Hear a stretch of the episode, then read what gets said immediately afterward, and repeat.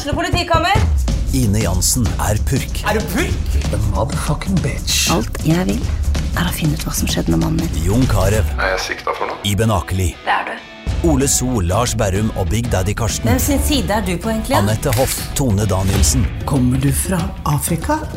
Jørnis Josef, Nesten. Kløfta. Trond Espen Seim, Det er synd å si det, men det var feil mann som døde.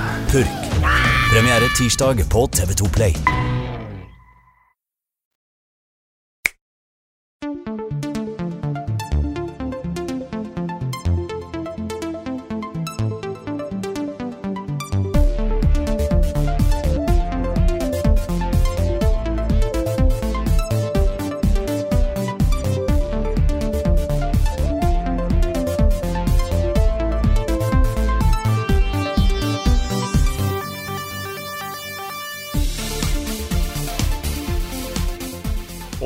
Der ønsker vi velkommen til en splitter ny sesong av Level Backup. Nå med revolusjonerende ny podcast-teknologi der du kan riste på telefonen din for å få med deg nøyaktig hvor mange iskaffer jeg har drukket i dag. Dette er, dette er spennende. Ja, det er kjempespennende. Ja. Hvor mange iskaffer har du drukket i dag? Nei, nå er jeg, jeg for så vidt bare drikker én, men jeg har en burn nå. Og det gikk, gikk ikke helt som planlagt, den der store planen jeg hadde for å se på Nintendo-pressekonferanse og i tillegg være våken. Nei, nå er klokka sånn litt over ti. Eh, klokken fem i dag tidlig så hadde jo Nintendo sin store Switch-avduking. De hadde det. Pressekonferanse i Japan som ble livestreama overalt. Um, og Vi har jo snakka mye om hvordan vi skulle få med oss den pressekonferansen. Og for deg er det et mye større problem enn for meg, f.eks. Jeg måtte stå opp ca. halvannen time tidligere enn jeg pleier å gjøre. Ja. Jeg hadde en ganske sånn gjennomtenkt plan, egentlig. For uh, natt til torsdag så klarte jeg å legge meg sånn typ klokka tolv-halv ett. Og det er første gang på sånn kjempelenge. Jeg er sjokkert. Ja, det er faktisk ganske stort for Mm. meg. Og sto opp litt sånn relativt tidlig. Og så tenkte jeg OK, nå, nå går det bra. Nå klarer jeg å snu døgnet til Nintendo. Og så eh, tenker jeg da får jeg i hvert fall sove klokka tolv eh, natta etter. Men det var det som ikke skjedde, da. Så jeg la meg jo klokka tolv i går. Og endte opp med å bare ligge og vri meg i fem timer. Fikk ikke sove. I det hele tatt. I det hele tatt. Wow. Så eh, til slutt så måtte jeg bare stå opp og se på Nintendo. og så var det ferdig, og så gikk jeg og la meg igjen. Så jeg har sovet i halvannen time i natt. Nice. Så dette er vel første gangen vi tar opp noe i level up-sammenheng hvor det er en reell sjanse for at jeg sovner underveis. Ja, ikke sant? Kjempevært Så- sykt morsomt hvis du gjorde det. Da har vi noe til julebordet hvis, uh, hvis jeg gjør det. Men jeg, tror, jeg skal prøve å holde meg våken. Ja, og så blir det jo kjempegøy. Vi skal filme masse etterpå også, kanskje, da, hvis du Ja. orker. Vi får, vi får se hvordan uh, For ståa det er. kan utsettes til mandag. Det kan. Ja. Vi, får, vi får se hvordan, eh, hvordan utholdenheten går. Det er ikke en riktig setning, men uh, vi får la det gå i dag. Ja. Men uh, mitt navn er jo da Karl Martin Oksnes. Og med meg har jeg som alltid Rune Fjell Olsen, som dere nettopp hørte prate. Og ikke minst Lars Håkon Stormbakken. Hello. Hvordan uh, føler vi oss? Første podkast i 2017. Nei, jeg er så klar. Jeg er så klar for 2017. Ja, same. Ja, det er um, Det her blir jo et utrolig spennende år for oss også. Så det er liksom så mange ting nå som Mm. bobler litt. Og det 2016 var liksom det på Skjedde mye ting i verden som altså var litt sånn nedtrykkende. Det var et drittår. Ja, ikke sant? For egentlig, altså ikke for oss nødvendigvis, Nei. men for verden så var det et drittår. Egentlig. Så jeg vet ikke. Jeg har Jeg har øh, håp om at 2017 skal bli bedre. Det er vel ting som tyder på at det kanskje ikke gjør det, men uh, Ja, det er jo ting som ble bestemt i 2016 som nå vil få en effekt i 2017, uten å gå Mm. noe nærmere inn på det. Men, um, ja. men ja. Men jeg er i hvert fall veldig klar. Også, øh, vårt fokus er jo øh, firmaet vårt og tingene vi gjør. Uh, og der skjer det veldig veldig spennende ting nå. Så vi skal ikke si noe mer om det ennå, men, uh, men uh, det ser bra ut. Det, det gjør det. Mm. Det, blir et, uh, det blir et mer spennende 2017 egentlig enn 2016 var. Ja ja, for vi surra og gikk på sluttbakker og hadde ikke så mange bekymringer, egentlig. Nei, vi, vi fokuserte jo nesten 100% på å bare bygge opp det nye level up-universet vårt. Ja.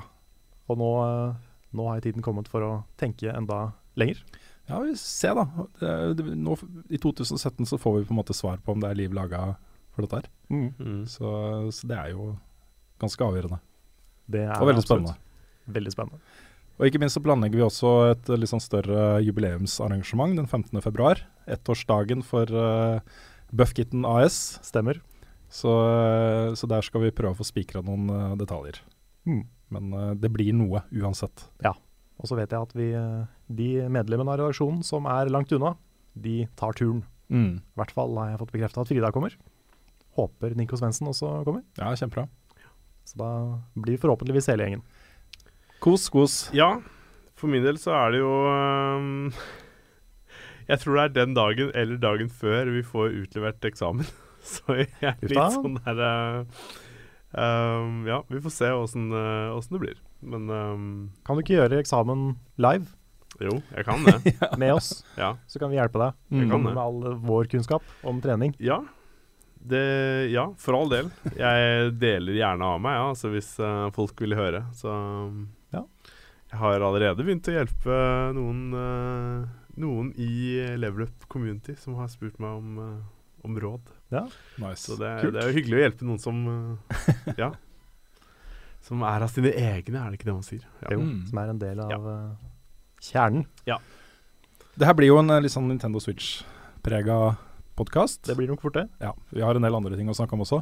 Men uh, uh, bare for å legge opp timeline litt for de, de som hører på, så var det jo da den pressekonferansen i dag klokka fem, hvor du fikk alle de største detaljene. Du fikk pris og lanseringsdato, vi kommer tilbake til alle de tingene straks.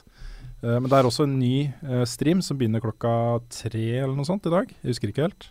Ja, halv tre tror jeg det var. Ja. Hvor jeg forventer at det kommer et par-tre announcements til. Oh, ja. Eh, hvor de kanskje har spart et spill til det, som de skal vise fram. Eh, det var jo noen hull i, i pressekonferansen. Pikmin, f.eks. Um, Så har det gått rykter om uh, mye forskjellig, egentlig. Jeg vet ikke hvor mye av det som er sant, men det var ikke noe Mother 3. Det har vært veldig mye rykter om. mm. Beyond Good and Evil 2 som uh, Switch-eksklusivt uh, spill. Ikke minst. Um, Pokémon Stars ja. har det også gått en del rykter om. Det er jo vanskelig å si om det stemmer, men Mm. Eh, det er jo fra ganske sikre kilder, mye av det. ja, jeg er litt usikker på hvor sikre det er. F.eks. det Beyond Good and Evil 2-ryktet, eller lekkasjen, eller hva det nå egentlig er. da. Um, det kan jo ha vært spekulasjoner basert på at Michel Ancel og Ubisoft skulle gjøre noe eksklusivt hos Switch. Mm. Uh, og de har jo nå um, lansert, eller uh, avslørt, at de lager uh, Rayman Legends Ultimate Edition eller noe sånt til Switch. Så det kan jo ha vært liksom OK, kanskje Michel Ancel og Ubisoft, det må jo være Beyond Good and Evil, ikke sant? Mm. Også, ja.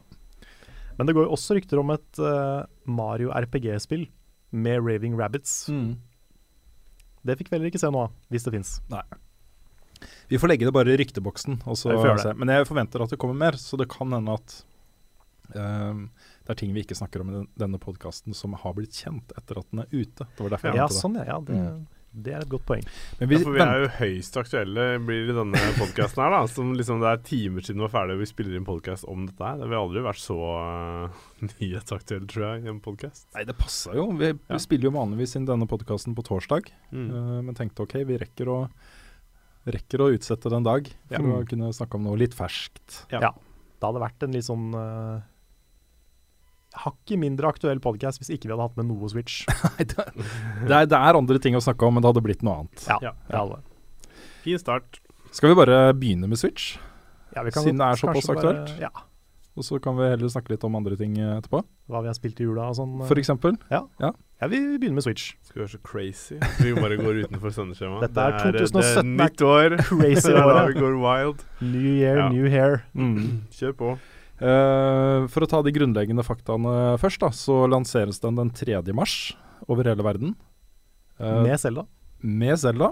Uh, og jeg så også at Nintendo Europe har tweeta at den lanseres 3. mars. Med Selda, hva betyr det? Tenk at, Bare samtidig, eller at Ja, så det det er følger samtidig. med konsollen? Ikke, ikke, Ikke med med. Ok, greit. Ja. Eh, det, men det lanseres samtidig. Ja. Eh, den koster eh, 300 dollar, og jeg ser at prisen i Europa foreløpig da, varierer ganske mye, fordi Nintendo setter jo ikke pris uh, i Europa, siden det er så mange currencies og sånne ting. Mm. Uh, men jeg så at det er én norsk nettbutikk som har satt prisen til rett under 3000 kroner. Jeg mm. forventer at den prisen kommer til å ligge rundt der. Ja. Eh, Fra 3 til 3,5 cirka. Så, så det er jo en hyggelig pris. Kommer litt tilbake til om det er en reell pris eller ikke, kanskje. Mm. Um, det ble også vist fram en del nye spill. Uh, Super Mario Odyssey Yes. som er uh, en eh, sandbox open world-greie. Ja, det første av den type Mario-spill siden Mario Sunshine, egentlig. Mm. Jeg må si at jeg bare søkte opp sånn kjapt i forhold til pris her nå, på, um, på Prisguide. Og uh, den billigste prisen på Switch starter på 4985. Ja, det er ikke den prisen jeg fant, skjønner du. Fordi Nei. alle de prisene er på 4000 og 5000 og sånne ting. De, alle butikkene nedover ligger liksom på den, på den prisen, så jeg vet ikke om det stemmer. Jeg tipper de ikke har oppdatert ennå, at det bare er sånne placeholder. Ja, sikkert. sikkert. Det er, eh, det er placeholder-priser. Um, men det er, det, det er riktig. De har liksom bare satt en pris. Mm. Men det, de, de kan jo ikke ta 5000 kroner for den.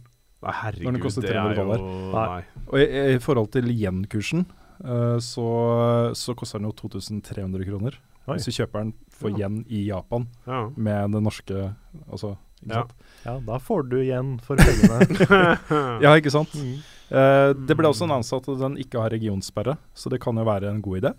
Du kan jo kanskje gjøre det. Mm. Jeg vet ikke om du får uh, Du får vel stilt den inn til Ja, det vet jeg ikke, men uh, Jeg tipper at uansett hvor du kjøper den, så får du uh, muligheten til å stille inn engelsk menyer, mm, vil jeg tro. sikkert.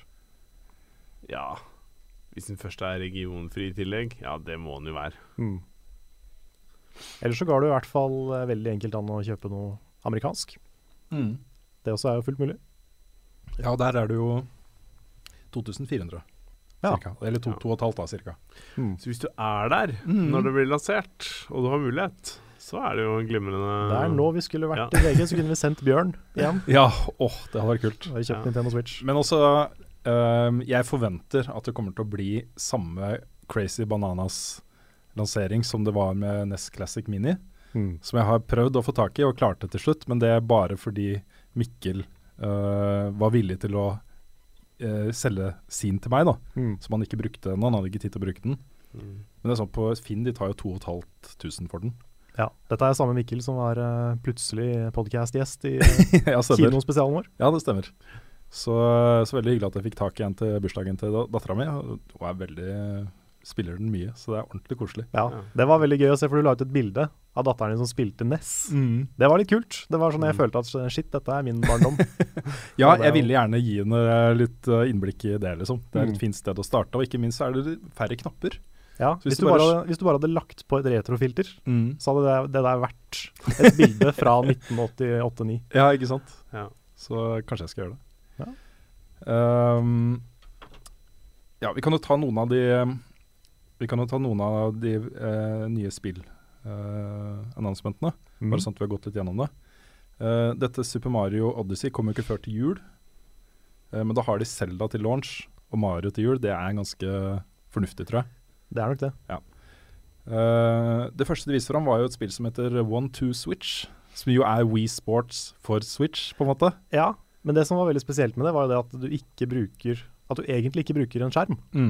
Det er eh, Altså, du spiller det med uh, motion og med uh, ja, for det var lyd, var det ikke det? ja, lyd og vibrasjon og sånne Ja. ting. Ja. Så du kunne være sånn pistolduell og sånn. Mm. Uh, ja. Dette fikk jeg med meg sånn rett før vi Ja, det gikk inn her, egentlig. Ja, ikke sant? Da står man jo mot hverandre med hver sin kontroller, Mm. eh, som også nede i hylsteret, liksom. Mm. Og så er det da en stemme som sier 'draw'. Ja. Og så skal du, og så måler den da hvem som har uh, klart å peke riktig, liksom, pluss uh, trykke på knappen. Mm. Så det, det føles litt sånn hvor, hvor nytt og spennende er det? jeg tror dette her blir en Det er veldig gimmick-prega, men det er Ja. en veldig sånn samlende ting for familier. Det er noe som foreldre og barn kan spille sammen. Det er noe som ungene kommer til å elske og bruke mye tid på. Ja. Det er en veldig sånn Nintendo-ting. Jeg føler Ja. at de treffer er ganske godt sant. med den også. Ja, for det, det er sånn typisk ting som ikke er vår Det er ikke vi som er målgruppa Nei. for det, men det har nok en målgruppe. Mm. Ja, og jeg er definitivt i målgruppa, for dette er sånn som jeg gleder meg til å spille med ungene. ikke sant? Mm. Så, så jeg, jeg tror det er en bra ting. Ja. Jeg synes det, er, det er litt spesielt det at, liksom, at de ikke har noe fokus på skjermen. Jeg vet ikke om det kan gjøre det kjedelig i lengden. At det blir litt sånn Ja, jeg vet ikke. Det er for tidlig å si, men uh, Ja, det får liksom mer preg av å være et slags brettspill, eller Ja, noe du egentlig. gjør liksom Mm. Uh, uh, Ja. mm. Johan Sebastian, Sebastian Joust. Ja, litt der, ja. Ja. Hva heter den derre um, med prikkene? Som du skal liksom gå på Det er sånn Ja, det det er sånn stor uh, matte med sånne Bare Twister. twister. Å ja, Twister, ja. Og så ting du gjør litt fysisk med hverandre. Da, i, Hadde et, i ikke, hadde rom, ikke liksom. Ubisoft et sånn der erotisk Wii-spill som de lagde, We Dare? Oh, Det ble aldri lansert, tror jeg. okay. Men uh, jeg husker den traileren. Ja. Det var sånn der litt sånn swingerspill. Ok, Kanskje det kommer på Switch. Swinger. Ja, litt sånn der du skal flørte med andre par og sånn. ja, kult. Det var noe Det er ikke noe veien for at man skal kunne lage sånt. Nei, det er jo ikke det. Selv om det ikke By er typisk Nintendo.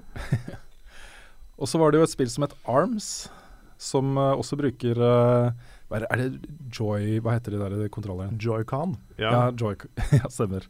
Um, som boksehansker, rett og slett. Og armene til, sp- til spillerne blir jo da sånn forlengbare på sånne der boing-boing-ting, liksom. Mm. Det syns jeg faktisk så ganske kult ut. Ja, det gjorde det. Og det var jo veldig Nintendo-stil på det. Mm. Minna litt om Punch-Out, kanskje. Ja. Men du har da, eh, sannsynligvis, da, sånn jeg tolka det, så var det motion controls. Men istedenfor der du bare bokser i Wii-boksing, f.eks., så har du det at du kan launche Det blir mange engelske ord, dette her, men eh, du kan skyte ut eh, boksehanskene eh, for å angripe på avstand. Og da får du plutselig den der eh, strategiske greia. Du kan Mm. bevege deg rundt. Um, dodge, du kan eh, forsvare deg. Blokke.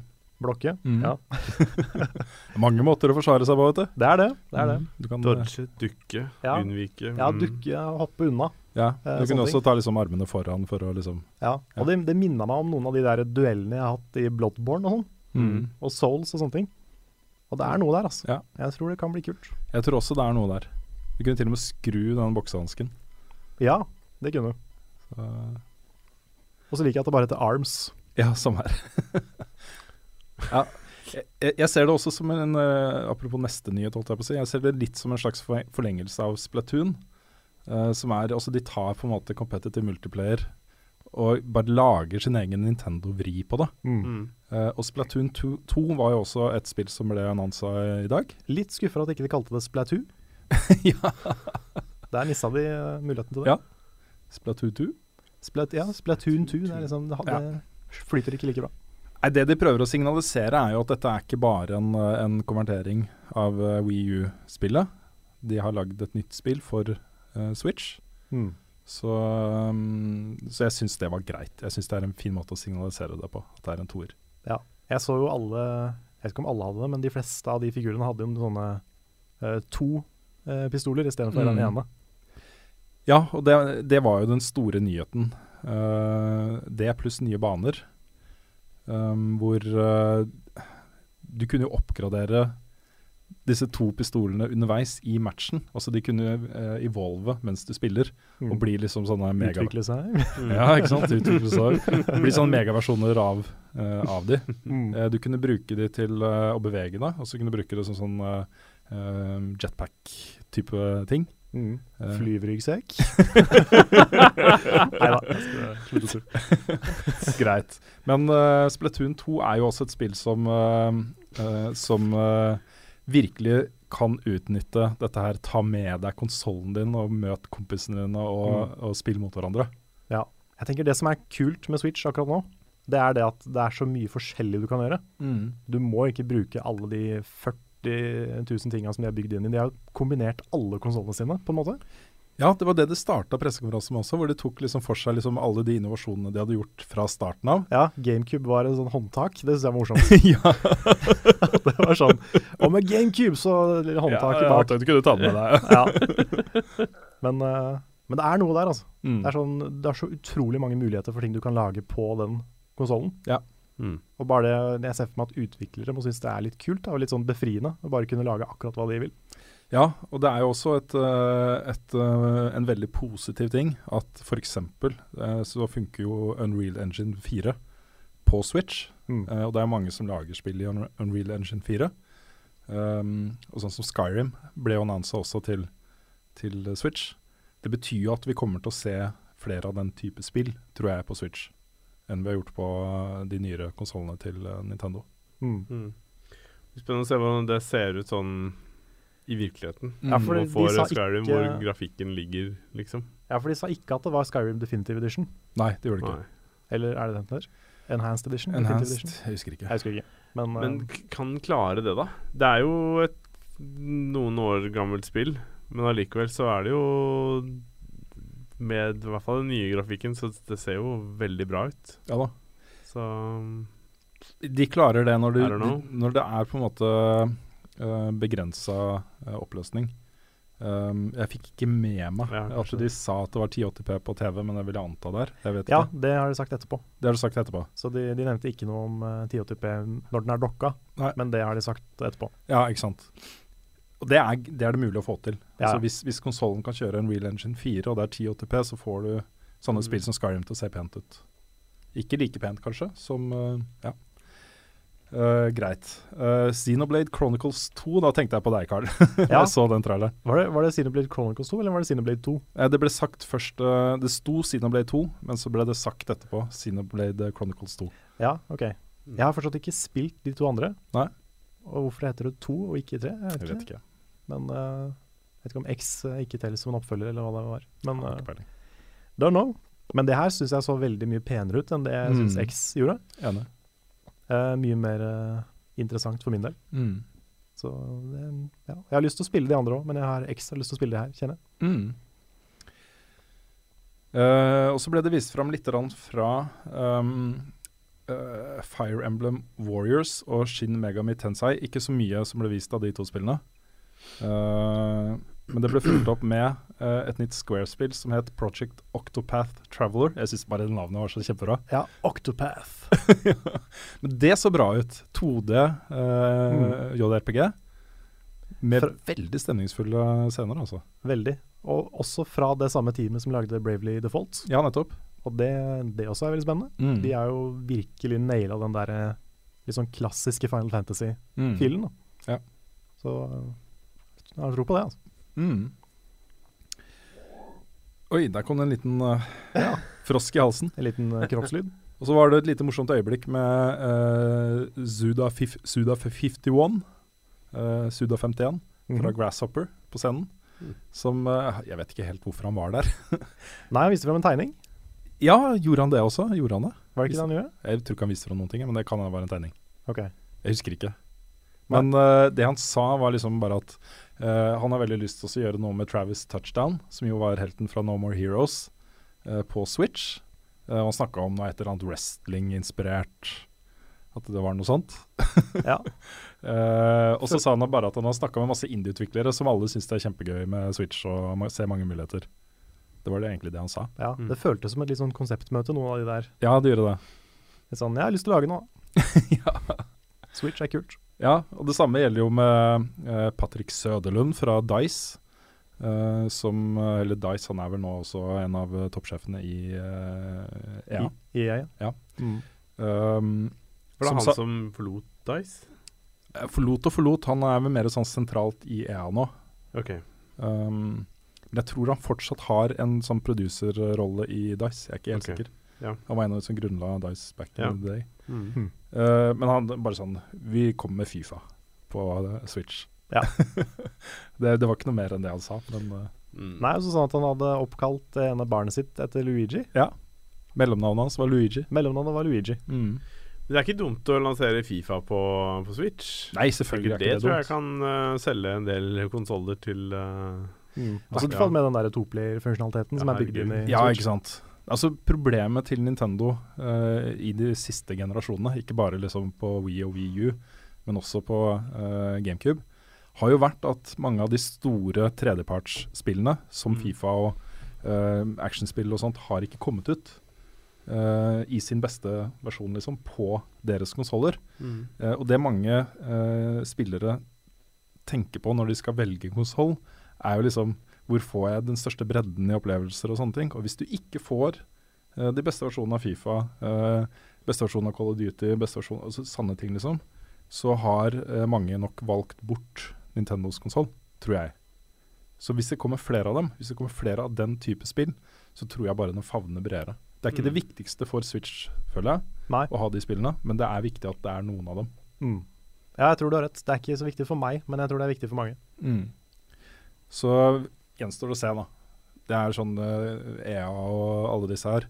De forlater jo Switch i det øyeblikket uh, den ikke selger nok, liksom. Mm. Det, det må jo være et visst volum der for at de skal kunne tjene inn uh, pengene sine. Ja. De hadde jo den samme eh, tredjepartsstøtta på Wii U helt i starten. Også. Ja da, jeg husker det. Akkurat samme bilde med liksom disse utviklerne jobber med ting til, eh, til Wii U. Ja. Og så falt det jo veldig fort av. Ja, det gjør det. Det er ehm, Jeg vet ikke. Det er litt dumt, men hvis du ser også på liksom salgslistene for Nintendos konsoller, så er det sånn at Nintendos egne spill selger avsindige mengder. Mm. De kan ha en sånn De kan treffe sånn 40-50% av alle som eier konsollen deres, enkelte av de titlene. Mm. Og så kommer du liksom langt ned på lista, så ser du sånn ja, 300 000 av et stort tredjepartsspill, liksom. Solgt totalt til Wii, som solgte 130 millioner eksemplarer, ikke sant. Mm. Så eh, det er tydelig at det er mye Nintendo-fans og eh, sånn som kjøper konsollene til Nintendo. Mm. Ja. Som er veldig glad i Nintendo og kanskje bare det. Ja, jeg, jeg føler Nintendo-konsollene har blitt Nintendo-maskiner. Mer og mer, Ja. egentlig. Wii var jo veldig bred, for så vidt, men uh, Wii U spesielt har vært en sånn Det er der du spiller Nintendo-spill. Mm. Det er ikke så mye annet som er spennende. Greit, og så ble jo pressekonferansen da avslutta med en ny trailer fra Zelda. Og den var på sin plass, føler jeg. Altså, fordi Mm. de trailerne som har kommet fra Zelda tidligere, og de eh, videoene, har vært bra, liksom. De har, de har vist fram et spill som jeg har lyst til å spille. Men her ble det liksom tonesatt av skikkelig fet musikk, og det var regissert, og det kom en del nye ting du ikke hadde sett før, og det ble liksom skrudd sammen på en måte som gjorde at holy moly, dette spillet vil jeg ha, jeg vil ha det nå. Jeg skulle til å si akkurat det samme. At Ja. eh, de andre trailerne har liksom vært sånn Oi, kult open world, jeg er spent. Mm. Men nå, med den traileren her, så ble jeg hyped. Ja, nå superhyped. Nå vil jeg ha det spillet, liksom. Ja, ja, ja. Og bare alle de figurene. Jeg har savna de der rare, fine Zelda-figurene. Mm. Og uh, sånne hint av historien som ikke vi har sett i det hele tatt. Mm. Nesten. Selda som ligger og gråter i armene til Link og Ja, det er noen sånne små øyeblikk da, som bare gir deg et inntrykk av hva, hva dette her er for noe. Og så fikk vi se ryggen til det som så ut som en uh, følgesvenn av uh, Link, i en sånn veldig kort sekvens. Mm. Altså litt sånn Midna-lignende t- character, da. Mm. Som, uh, som bare var et mysterium. Du så, så ikke noe mer av den figuren der. Men, Nei. eh, Det er så deilig at det ikke er så lenge til. Sånn, det er 3. mars er jo halvannen 3. mars, ja. ja. Det er helt sjukt. Uh, og det har jo gått rykter da om at eh, europalanseringen, og egentlig alle lanseringene, skulle bli utsatt. Um, uh, ryktet var nok sant, men jeg tror Nintendo snudde. Og skjønte hvor viktig det var å ha Selda klart til lansering. Mm. Um, Men det er jo et poeng. Det er veldig få spill, i hvert fall som vi vet om nå, som er klare til lansering. Er ikke ja, lista litt lengre enn en pressekonferansen ga inntrykk av, fordi de hadde en sånn showreel midt inni der, hvor det var masse ting. Hvor du bl.a. så Farming Simulator. Ja, ja. Um, og det, det er en del av de spillene kommer jo. Så sånn som f.eks. Uh, Rayman uh, Legends Ultimate Edition uh, kommer jo sikkert til lansering. Også det kommer en del sant, da. Mm. Men av de virkelig store, store tingene, så føler jeg vel den er i gate med andre konsollanseringer. Uh, bortsett fra at de har Zelda. Og Zelda er liksom Hvis det blir så bra som det ser ut som, så er det på høyde med å lansere konsollen med Super Mario 64 eller Halo. Og så det blir en sann type lansering, da. Mm. Så um, True. Mm. Jeg bare mener å huske at vi hadde ganske mange spill på Wii U når vi fikk den pakka på VG. Det var sånn 10-11. Jo, men det kommer rundt her, det samme her. Det gjør det? jeg. Ja, et sted mellom 10 og 15, tenker jeg, til lansering. Ja, ok. Da må, jeg, da må jeg lese meg opp på den lista. Ja, jeg har ikke sett lista selv, men uh, jeg bare tror ikke de nevnte alt. Nei. Uh, de fokuserte på de nye tingene, tror jeg. Nå må vel bare forhåndsbestille her da, så fort som mulig, hvis man vil ha. Jeg tror det er for sent allerede til første, første waven, men jeg tror øh, det. Spørs Det er jo ingen butikker eller noe som har lagt ut noe for salg ennå. Tror jo, du ikke de vil få uh, Du har kunnet kjøpt det på komplett og sånne ting. Ja, Komplett hadde en kjøp-knapp, Mm. eller forhåndsbestill. Okay. Mm. Men sånn Nintendo Ja. selv har jo åpna for uh, forhåndsbestilling i dag, rett etter pressekonferansen. Åpna det for det, tror jeg. Mm. Mm. Uh, og i enkelte regioner tror jeg det starter den 21. I Japan tror jeg det starta 21. januar. Ok. Så jeg er ikke helt sikker. Men kan vi, kan vi prate litt mer om Mario? Vi kan godt prate litt mer om Mario. ja, For jeg vet ikke med dere, men jeg satt og gliste da det kom på Mm. Da den traileren kom. Jeg syns det så så koselig ut, og så nytt ut. Mm. Og det er så lenge siden et Mario-spill har føltes nytt. Mm. Og bare det at det er open world, det er kjempelenge siden. Du har jo hatt sånn som Super Mario 3D World, men det har liksom ikke føltes som en sånn oppfølger til 64, da. Nei. Som uh, Selv om Super Mario Sunshine er litt sånn Folk er litt u... u uh, folk er ikke helt enige om det spillet var like bra, men, Mm. eh, men det var i hvert fall i samme stil, da. Jeg fikk eh, særlig av noen Altså, det ble vist fra masse forskjellige verdener. Veldig forskjellige fra hverandre. Inkludert en som ser ut som virkeligheten, nesten. Ja, ikke sant? Fra New York eller en sånn storby med skyskraper, og du så Mario drive og hoppe fra skyskraper til skyskraper. Han kasta ut hatten sin. Ja, Hoppe tau med to mennesker som så relativt vanlig ut. Mm. Og det var, akkurat de uh, brettene der, eller de scenene der, veksla for meg da litt mellom sånn Ja vel, og sånn Å, kult. det var veldig sånn blanda følelser for det. Jeg var helt solgt, jeg. Ja. jeg bare, med en gang bare Yes, gi meg det. Jeg vil ha det. Mm. Men enkelte av de verdenene minte meg veldig om, eh, om um, uh, eh, Sunshine. Ja. Så um, uh, jeg tror nok det er noe i det. At det er henta litt inspirasjon derfra. Mm. Men samtidig så var det, det var noe nytt. Mm. Sånn som til og med Super Mario Galaxy, som hadde den der svære gravitasjonsgreia, Mm. var veldig likt Mario 64, Ja. sånn i kontrollsystem og sånne ting. Det her føles som noe annet, Mm. på en kul måte. Ja. Så nei, jeg er, jeg er superspent på det. Ja, det så kjempegøy ut. Det skøyt nesten til toppen av lista mi for 2017, tror jeg. Ja, det havna i hvert fall på min. Mm. Den, eh, den havna på min. De jobber med en sånn topp 20-liste for 2000, 2017 nå. Ja, stemmer det. Um, jeg venta jo med å gjøre den ferdig til eh, etter dette her. Det er jo i hvert fall ett av de spillene, altså Super Mario, kommer i hvert fall med, da. Mm. Um, og Selda var jo selvfølgelig der fra før. Ja. Så. Um, jeg tenkte å gå litt gjennom sånn positive og negative sider her. OK. Um, det positive er jo prisen. Altså det, det å lansere en ny konsoll til den prisen. Er det min som paper hele tiden? Eller? Jeg tror det er begges. Ok, greit. Uh, til liksom rundt 3000 kroner er veldig bra, sånn i utgangspunktet.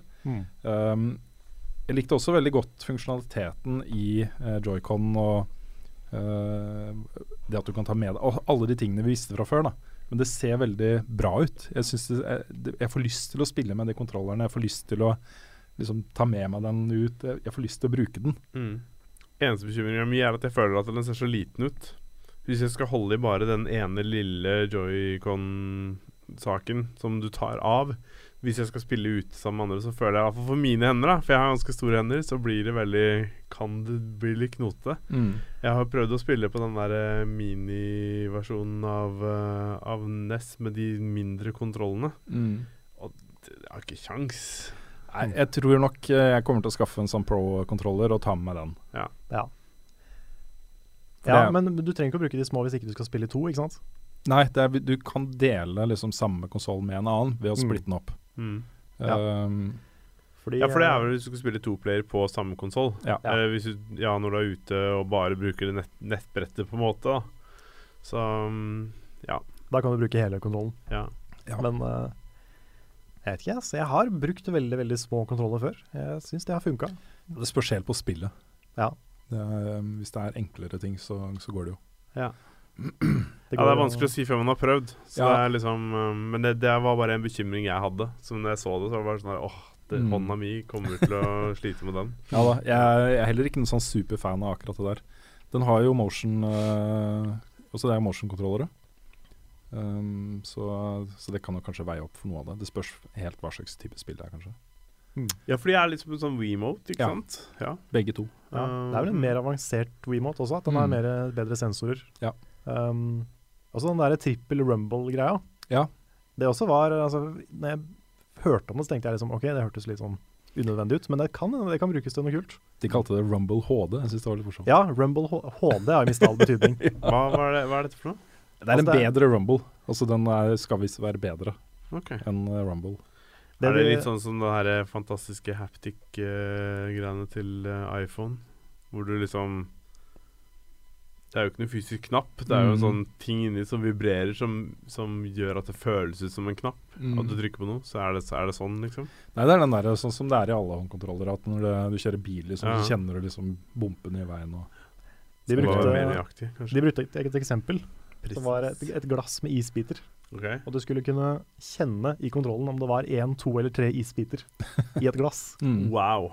Og Og at var det liksom- helte på vann. Ja. Ja. Men det, du kan f.eks. bruke det da, til å f.eks. vite hvor mye ammunisjon du har igjen Mm. i Splatoon. ikke sant? Er det sånn 3D Rumble, da? Nei, det er HD Rumble. HD. Kom igjen, da. Ja, HD Rumble. det Get with the liksom- program. Hvis du skal føle hvor mange isbiter det er bare Det er forward compatibility rumble. Og det her er jeg spent på å se Ja, hvordan jeg det er er. veldig, Altså. veldig spent på hva de mener med det der. Så den Men, lille eh, kontrollen? Ja. Ja, greit. De har stæsja mye greier inni den lille greia. Ja, det får mye fint som er smått i dag. Ja, så er det gyro oh, Og så er det, så er det gyro, og så er det mye greier. Ja, ja. På uh, positivt så har jeg også sagt opp, uh, satt, sagt opp Jeg har satt opp uh, at det ikke er regionsperre på den. Eh, det er veldig fint. Ja, det er hyggelig. Og på tide også. Vi har snakka om det, men Selda til launch og Mara til jul, det er en bra strategi, tror jeg. Ja, Kanskje også Pokémon til jul, hvis det, det er mulig det det. kommer noe på E3 der. Kan hende. Ja, det vil komme flere announcements utover året, garantert. Mm. Også fra tredjepartsutviklere, så det Ja. Mm. Uh, og så var jo ja, Mange har lurt på batterilevetiden.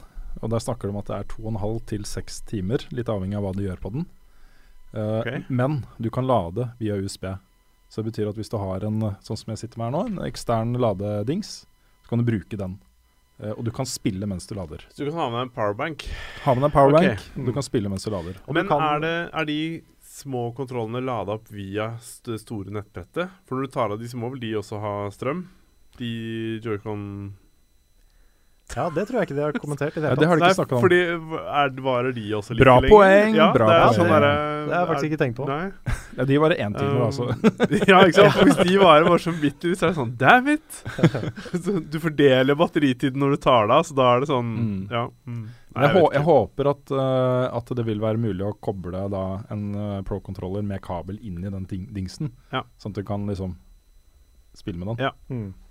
Jeg vil anta det, men jeg vet ikke. Nei, for det, ja. Uh, Kan du bytte batteria til større batteri? Sånn som du kunne på VU? Det kan du sikkert. For det var ganske morsomt uh, når Kan jeg hende det er litt vanskelig med den docking Sorry, det var ikke meninga. Nei, det går bra. Jeg bare jeg tenkte på den du setter den i. Ja, for du må ha plass i den Ja. også. Ja, fordi i VU-en, vet du, så er det sånn jeg Jeg kjøpte jo større batteri, og når du tar ut Tar av lokket bak på VU-kontrollen, så er det jo er det et minimalt batteri som sitter inne i et sånt svært rom, Oh, ja. og så bytter du ut til det der mye større batteriet. Så de har jo tydeligvis planlagt at du liksom bør bytte batteriet. Så jeg lurer på Mm. om det er sånn her også. Kan du kjøpe et større batteri? de er jo ikke så store, de kontrollerne, så jeg vet ikke. Nei. I don't know. Don't know. Ja, Kan du bytte batteri på de joyconene? Nei, nå ble det veldig Ja, dette må vi Ja. Vi finner sikkert ut av det. Vi kan jo, kan jo kjapt nevne da, at eh, vi sannsynligvis får muligheten til å teste Wii, eller teste Switch før Ja. lansering. Stemmer det. Du skal til Gøteborg. Jeg skal muligens, eh, sannsynligvis en tur til Gøteborg. Mm. Jeg har ikke bestilt turen ennå, men det regner med at jeg skal dit. Ja, og det er jo noen events rundt omkring eh, denne helgen. I London, Frankfurt og Paris. eh, Som vi ikke er invitert til. Stemmer. Og kanskje neste år Ja. så er vi store nok til å Ja, da, bli invitert på da sånn. kommer vi på de store. Ja, Var det litt sånn bitter snufs som kom der, eller var det sånn Liksom. det var bare, Ja, for det føltes veldig passende. Ja. Eller, ja. Mm. Jeg trenger ikke å bli best på Nei, det er sånn. Greit. Jeg må ta en uh, gjennomgang av det som ikke er så bra med Switch. Ja. Um, og det er jo uh, Jeg nevnte jo pris som positiv ting. Uh, men det er jo en klassisk sånn lokkepris. Uh, fordi tilleggsutstyret det koster 80 dollar for en ekstra joycon. Oi. Det er, blir fort liksom 800 kroner i Norge for én kontroller, ekstra kontroller. Det er én kontroller med to sånne på, da. Ja, ja. mm. Ja, ok, Så da har du fire på en måte. Ja. Nettopp. Ja. Uh, og 70 da for den, uh, for den uh, pro-kontrolleren. 70 dollar, 700 kroner. Mm. Um, det er 32 gigabyte internminne på den. Ja. 32 gigabyte. For det, det er sånne SD-kort, eller sånn SDXC, er det det heter? Eh, eh, det heter Micro SDX, ja. Ok, Mm. for det du kan Det jeg har lest, er at den støtter opp til 128. Ja, at Switchen gjør det? Ja. Ok. Så Du kan, kan, byttes ut, da, du kan bytte ut minnekortet til noe som er på 128. Ja, vet du hvor mye det koster? Sikkert masse. Ja, det er en tusenlapp. Det er en tusenlapp for sånt kort. Ja. Wow. På, på 128 gigabyte. Hvordan kan For det, dette er jo Men det, det er vel cartridges på denne her, er det ikke det? Så Jo det er jo meningen at du skal ha sånne um, At du skal bytte ut spillet. Det er ikke meningen at du skal ha mye nedlastbart, kanskje? Nei, men eh, forestill dere, altså se for dere selv hvordan dere bruker eh, PS4 og Xbox One i dag. Ja. Og Det å kunne ha liksom masse spill installert på den er jo en veldig bra ting. Du Mm. trenger ikke å tenke hvor har du gjort av disk altså, Ja, for det tenker, hvor små er ikke de, da? Kommer du til å rote bort bare hvor er Mario, hvor er Selda, ja, ja. Hvor er Du liksom vet hva, Hver gang jeg rydder i hyllene mine hjemme, så finner jeg et eller annet spill til DS eller 3DS, eller, og som bare ligger mellom noe annet, ikke sant. Mm. Å, der var liksom Selda Zelda Det er rart, altså. Hvordan har de ikke Nei, men det er jo der, pris, altså det er jo der uh, prisen uh, Ja. ligger. Ja. Du, når du ser hvor mye det koster for den type lagringsplass Jeg har satt opp et par eksempler. 32 gigabyte koster uh, 239 kroner, og det er et mikro STXC-kort. Mhm.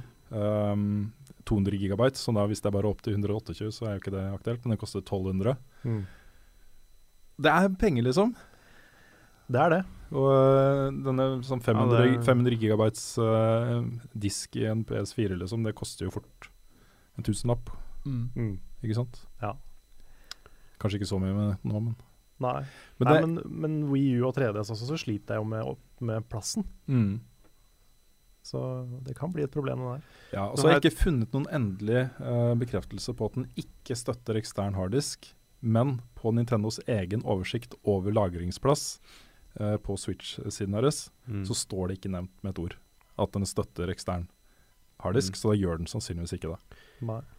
Er det sånn at du kan, når du får Selda eller cartridge, cartridgen, kan du sette inn den og installere spillet? Eller må du separat laste det ned? Nei, du, du trenger ikke å laste ned hele, vil jeg tro. Du kan sikkert kjøre det fra SD-kortet, vil jeg tro. Ja, men jeg tenker Hvis du, du ikke skal ha med det kortet, er det mulig å installere spillet Eller må du kjøpe? Siden det er Nintendo, er så tipper liksom- jeg at ikke det er mulig. Men det er bare fordi Nintendo er ikke så god på de tingene. Nei. For det, det er sånn Da må du tenke deg litt godt om da hva, hvordan du skal kjøpe spillet eventuelt. Du må tenke deg kjempegodt om, og så må du jo vurdere om du i det hele tatt skal gidde å kjøpe ting digitalt. Ja. Mm. Skal, skal, er, er det noe poeng å gjøre det, liksom? To spill, så er kanskje den harddisken full. Den full. ja. Ikke sant? Så må du drive og slette ting og laste ned.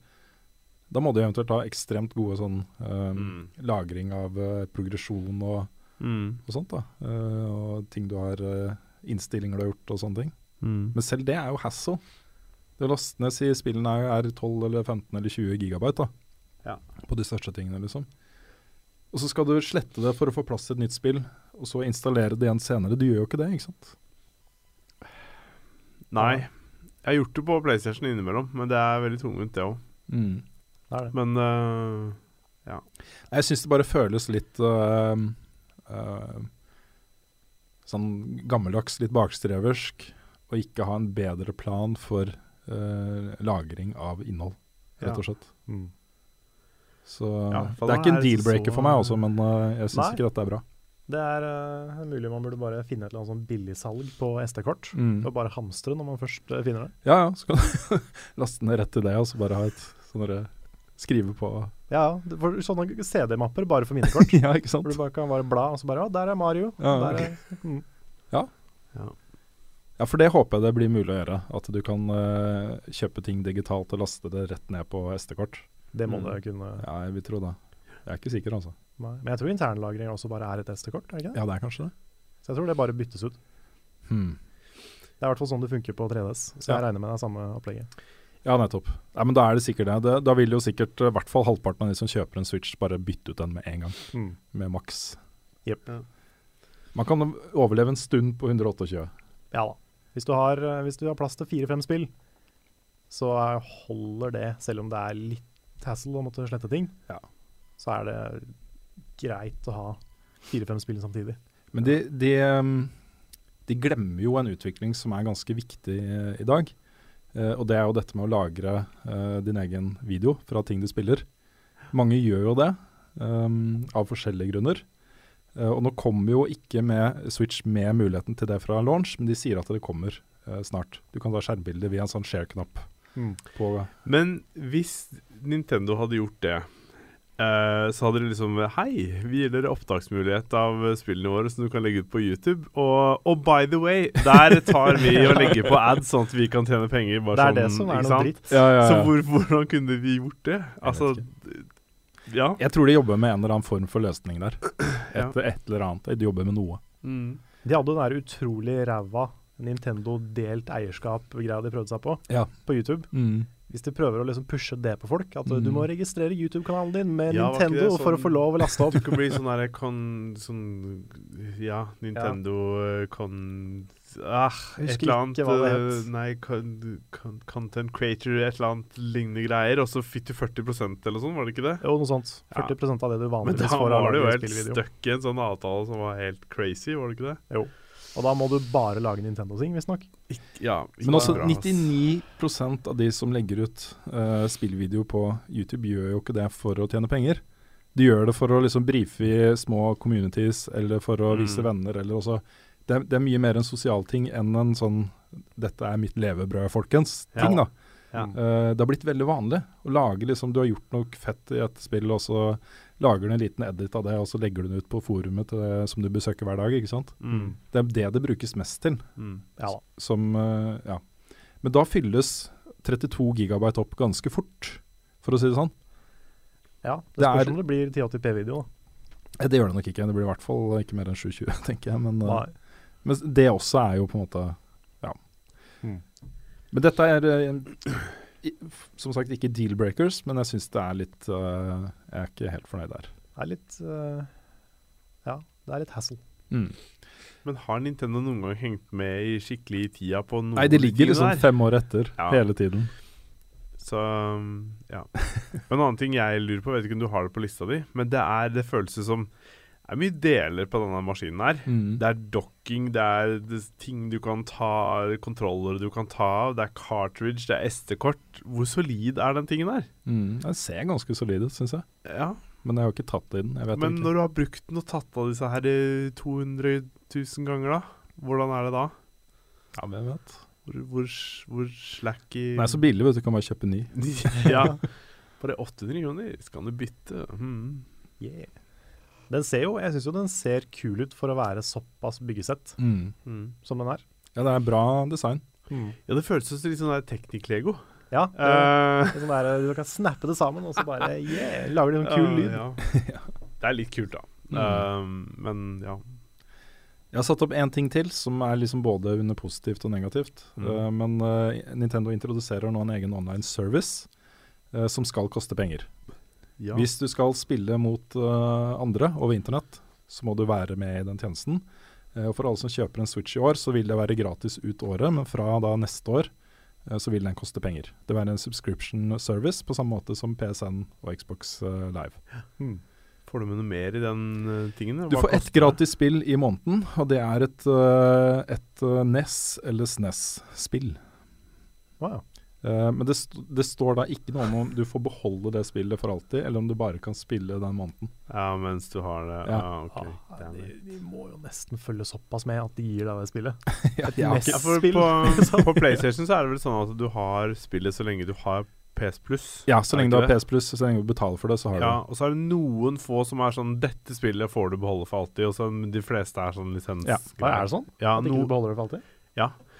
Men noen Sånn. av de får du gjøre det med. Men de fleste er sånn Dette får du så lenge du har PlayStation Plus, så kan du spille dette spillet her. Ja, okay. Ja. Så jeg mister Contrast og sånn hvis ikke jeg fortsetter å abonnere på Det, jeg akkurat Du får det nok tilbake igjen hvis du ja. liksom eh, stopper servicen, og så tre ok. måneder etterpå så begynner du å abonnere igjen, så tror jeg du får tilbake alle de okay. Ja, gud, du kan ikke miste det. Ehm, det er derfor jeg alltid er, Hver måned så er det sånn Selv om ikke jeg skal ha spillet, add to library.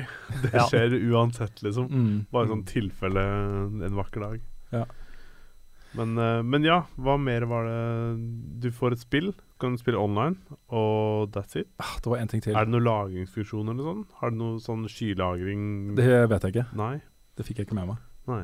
Det var liksom tre punkter. Jeg husker ikke hva det tredje punktet var, men jeg tror ikke det var sånn superviktig. Nei. Um, Vi kan alltids uh, sjekke, ut av, uh, sjekke ut av det mens uh, du snakker om noe annet. Ja, jeg håper jo det her betyr, da. At det faktisk blir en tjeneste som er verdt å betale for. Fordi Voice online chat. Ja. Ja, det kommer en egen voicechat-app, faktisk. Ja, OK. Hm. Greit. Som jo fungerer da som på PC-en, hvor du har eh, Du kan lage gruppechat, Ja. som er tusen ganger bedre enn den du får inn i spillet. Ja. Det føler jeg jo er på, er, må med også. Når du Mm. først skal lage en online-tjeneste som du skal ha betalt for, så må jo de som Det er ikke alle som bruker PC, Discord osv. De må jo ha muligheten til å kunne snakke med hverandre. Mm. Men det er jo litt sånn at de online-funksjonalitetene som var i Wii og Wii U, de var jo ikke verdt å betale for. Nei. Det var, det var treigt, og det var ræva. Ja. Så jeg håper det at det her koster penger, faktisk betyr at de har lagt litt jobb i det. Ja, det er, jo, det er jo det jeg er villig til å betale for. Hvis Mm. de lager en online-tjeneste som er god, så er jeg villig til å betale litt i måneden for det. Det var jo det samme som skjedde med PS4, Mm. for PS3 var jo gratis Ja. å spille online. Men det ble jo bedre, ganske, ganske mye bedre på PS4. Mm. Men altså, den, den online-tjenesten de hadde på PS3 òg, Ja, den var jo sånn som Wii U er nå, ikke sant? den var ikke mye å skryte av, altså. Jesus Christ, der, hadde, der lå Xbox langt foran. Mm, ja, Um, ja, Så um, ja. Uh, ja, jeg vet ikke hvordan det er akkurat per i dag, hva man skal skryte av uh, hvem som var best på det, men det har i hvert fall bedra seg. Ja, det har blitt mye bedre. sto også at du kunne få At du får rabatter uh, Ja. i butikken hvis du betaler Mm. sånn ja Nintendo pluss, jeg vet ikke hva de kaller det. Det står ikke noe om prisen der, eller? Nei, det det gjør ikke. Nei, for det tror jeg de venter litt grann med å Ja, Mm. snakke om. Jeg tipper de kommer til å prise det billigere enn eh, Sony og Microsoft. Ja, tror du det? Ja, jeg tror fordi det, fordi det er såpass mange barn som spiller på Nintendo. Fordi det de har hatt av abonnementting før, og det har vært sånne små ting som Pokémon Bank og sånn, det har vært veldig, veldig billig. Mm. Så jeg vet ikke, jeg tror de kanskje tenker litt på det at det er mange små. Kanskje. Det kan hende det er helt feil, men eh, jeg ser for meg at de kanskje kommer til å prise det litt lavere. Det kommer også en egen sånn foreldrekontroll-app til Switch. Ja, de hadde en sånn egen trailer for det, Ja. hvor det kommer noen spøkelser og skal ta av Mario eller sånt. Ja, ja, så kommer Ja, det var gøy. Um, vi har fått et spørsmål her uh, som jeg syns er interessant, fra Bjørn Tore Sem på Facebook.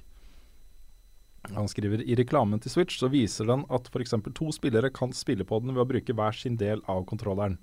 Men kontrollene er jo ikke like tanker. Og Det han mener er at uh, når man tar av disse to, så er det ja, også Hvis vi skal bruke bumperknappen, så vil eh, eh, styrespaken og knappene være på motsatt side. Så på Men- den ene vil du være, bruke venstre tommel, og på andre så vil du bruke høyre tommel. Men var ikke de eh, Er ikke de Jeg trodde de var eh, For jeg har også, jeg også reagerte på det, at den ene er oppe og nede. Men jeg trodde det at når du holdt den, så skulle du holde den likt, og at knappene fortsatt var Ja, jeg også tolka det sånn at Så det var speilet det var speilvendt. Ja, jeg trodde det. Men det er mulig jeg har misforstått. Jeg, eh, jeg ble usikker nå, men, men også ja. når du eh, skal, Hvordan blir det? Fordi de spakene er jo på forskjellige steder i utgangspunktet, er det ikke det? Jo, for uh, hvis du ser, ene er hvis du ser her, Ja. så har jo den ene har stikka oppe, og den andre har stikka nede. Ja, men der ser du den ene stikka er jo på midten, og den andre er helt ytterst. Så uansett så vil det jo være forskjell. Ja, det er sant. Det er litt forskjell på hvor stikka Hvor nærme midten den er. Ja, og er den ene er liksom eneste? mer mot høyre, og den andre er mer mot venstre. Ja, Det er ikke en så stor forskjell, er det det? Nei, jeg, jeg vet ikke hvor stor forskjell det har i praksis. Nei. Jeg tror at, uh, at veldig- for den type spill det vil være snakk om, så vil det kanskje ikke ha liksom verdens største forskjell. Men uh... Fikk jeg lyst til å google det for å se. sjekke igjen. Men eh, ja, nei, det, men det er et godt poeng. Da. At det er, jo, det er jo en forskjell her. mm. Uansett om den er svær Ja, fordi hvis du ser, hvis du ser her nå Nå veldig Men når du tar av den, og du tar av den, så vil knapp, de bumper-knappene Mm. vil være på innsiden. Så du får fortsatt Du får fortsatt styrespaken på venstre og knappene til høyre. Okay. Så, så du, uansett hvordan du Selv om de ser forskjellige ut her, så vil de Når du holder de vannrett foran deg, så vil stikkene være like sånn knappemessig, selv om den stikka der sitter litt mer på midten. Greit, vi får sjekke ut dette nærmere når du drar til Göteborg.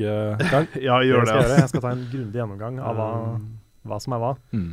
Men ja, de er faktisk ikke like med det med at uh, At stikka sitter mer på midten, på den Mm. til høyre. Uh, Mm. det er spesielt. Det, det gjenstår å se hva det har å si. Jeg skal, jeg skal teste det. Gjør det. Ja, Prøve begge kontrollene. Det, la meg stikke Ja. hjem. Finne Mm. ut hvilken av de som er best å holde i. Ja. Ja. Skrive hver, hver sin score. Joycon left og joycon Ja, right. Gi Mm, ternekast hit og Mm. dit. Mm. Skal vi runde av uh, Switch? Snakke, Vi kommer sikkert tilbake med noen flere spørsmål uh, i, mot slutten av uh, episoden, holdt jeg på å si, av sendingen. Mhm. Men eh, skal vi si litt hva vi syns? Altså våre innerste tanker og følelser om eh, Switch etter morgenens, eh, morgenens presentasjon. Mm. Ja. Hvem vil begynne? Ikke jeg. Du vil begynne, Carl. Jeg, ja, jeg begynner, jeg. Um, jeg eh, var en stund litt lunken. Det var liksom det som traff meg sterkest, var Mario. Og så venta jeg liksom på den neste store, kule tingen, og så kom ikke den helt. Uh, jeg fikk noe helt på slutten med Selda, når det var en launch-lansering. Og da var jeg hyped, jeg skal ha den her så fort som overhodet mulig, liksom. Og jeg syns alltid det er spennende med en ny Nintendo-konsoll, for de gjør alltid noe nytt og rart. Og det er det jeg digger med de. Og det er derfor jeg er så veldig tilhenger av at de skal fortsette å lage konsoller. Fordi de, uansett om det funker eller ikke, da, så er det alltid noe nytt. Og de tør å prøve noe helt nytt. Og ikke bare uh, iterere på det gamle. Så eh, det er jeg dritspent på. Og eh, digger at det kommer et uh, Zelda-spill som nå ser helt amazing ut. Og gleder meg veldig til det Mario-spillet. Så det er synd at det kommer til jul og ikke tidligere. Har Men du noe å er- glede deg til? Jeg har det. Ja. Har det. Men jeg er jo solgt, sånn sett. Jeg skal jo ha det Mm. med en gang. Ja, jeg glemte å nevne også at, uh, at Mario Kart 8 Deluxe kommer jo også til launch. Ja, det er sant. Med bedre battle mode. Ja, stemmer. For det var den ene tingen som var dårlig med Mario Kart 8, det var battle Mm. Ja. Så det er eh, good news. Det er good news. Men ja, Jeg, er, eh, jeg er solgt. Jeg også ble ganske imponert uh, over det de viste fram. Jeg eh, eh, fikk et mye bedre inntrykk av hva denne konsollen egentlig er, og ser at uh, jeg kommer til å ha mye gøy med den. Så alt i alt ganske positiv. Uh, Selda selvfølgelig. Eh, Super Mario eh, er to spill jeg gleder meg veldig veldig til å spille. Samtidig så er det jo sånn at med alle de nyere konsollene til Nintendo, så har det vært sånn. Det har vært en to, tre, fire spill som jeg har vært superhyped på, og som jeg elsker. Og så har jeg vært egentlig ganske lunken til resten. Mm. Uh, så selv om jeg kan se kvaliteten i Splatoon f.eks., og selv om jeg kan se at uh, Pikmin er et dritbra spill, så er det, det, det gir meg ikke så mye personlig, liksom. Så derfor så blir, har liksom de til, nyere konsollene til Nintendo blitt litt, litt Jeg har vært litt lunken til dem. Um, kanskje litt også fordi jeg graviterer litt mer over mot type liksom Inside, The Witness, så den type spillopplevelser. Um, og føler ikke at jeg får, har fått det i så stor grad på Nintendos konsoller. Nei, det er, ikke så, mye, det er ikke så mye sånne kunstneriske indie-ting på Jeg Nintendo. savner litt den, den der, liksom, som treffer, uh, treffer meg på det. Men mm. eh, jeg tror den kommer til å gjøre det ganske bra. Det er liksom helt avhengig av at den får en god start, eh, og at den får den derre bussen eh, som har hjulpet eh, andre suksesser opp gjennom historien på konsoller. ikke sant? At kompisene kjøper en, og du spiller det, og så 'Å, jeg vil også ha en', og så tar det litt av. Mm. De trenger den. Hvis, hvis det skjer, så kommer den til å gjøre det bra. Um, men jeg er, jeg er liksom ikke 100 oversikt og, og, og, Jeg er ikke 100 overbevist Nei. eh, om at det kommer til å skje her. Det vet jeg ikke. Nei. Nei, det, det jeg savna fra den eh, konferansen, det var enten liksom Mother 3 eller et uh, Smash Bros Definitive Edition f.eks. Det kommer, vet du. Det kommer helt sikkert, Ja. men jeg hadde liksom lyst til å se noe som gjorde meg gira utenom bare Mario og Zelda. Da. Altså, Smash Bros kommer de til å annonse på etere, og forresten, det er spillbart nå. Ja, ikke sant? Sikkert. Garantert. Men eh, enten det, eller så kanskje sånn Surprise Donkey Kong, eh, Metroid kanskje. Et eller annet sånt som bare Noe ekstra som ikke vi visste om i det hele tatt. Som bare wow. Tar oss litt på senga. Det Ja. følte jeg ikke at jeg fikk helt. Nei, jeg hadde blitt veldig glad for å se Metroid der. Lars? Eh, hva skal jeg si? Jeg, um, jeg vet egentlig ikke om det er noe jeg gleder meg sånn veldig til. Jeg har jo blitt gira på selve konsollen. Um, men den Mario-gra, den traileren vi så, den var jeg litt sånn Litt usikker på hva det egentlig er, så jeg vet ikke helt om jeg ble like solgt som du ble, Carl. Nei, jeg elska den. Uh, ja.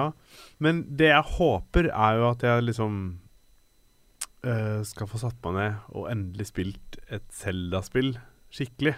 Mm.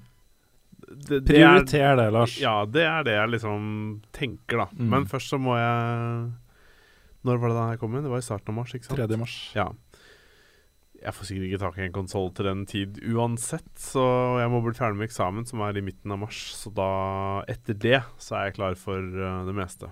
Men, uh, men det er liksom det eneste jeg ser uh, Ser frem til og har lyst til med denne konsollen her. Mm.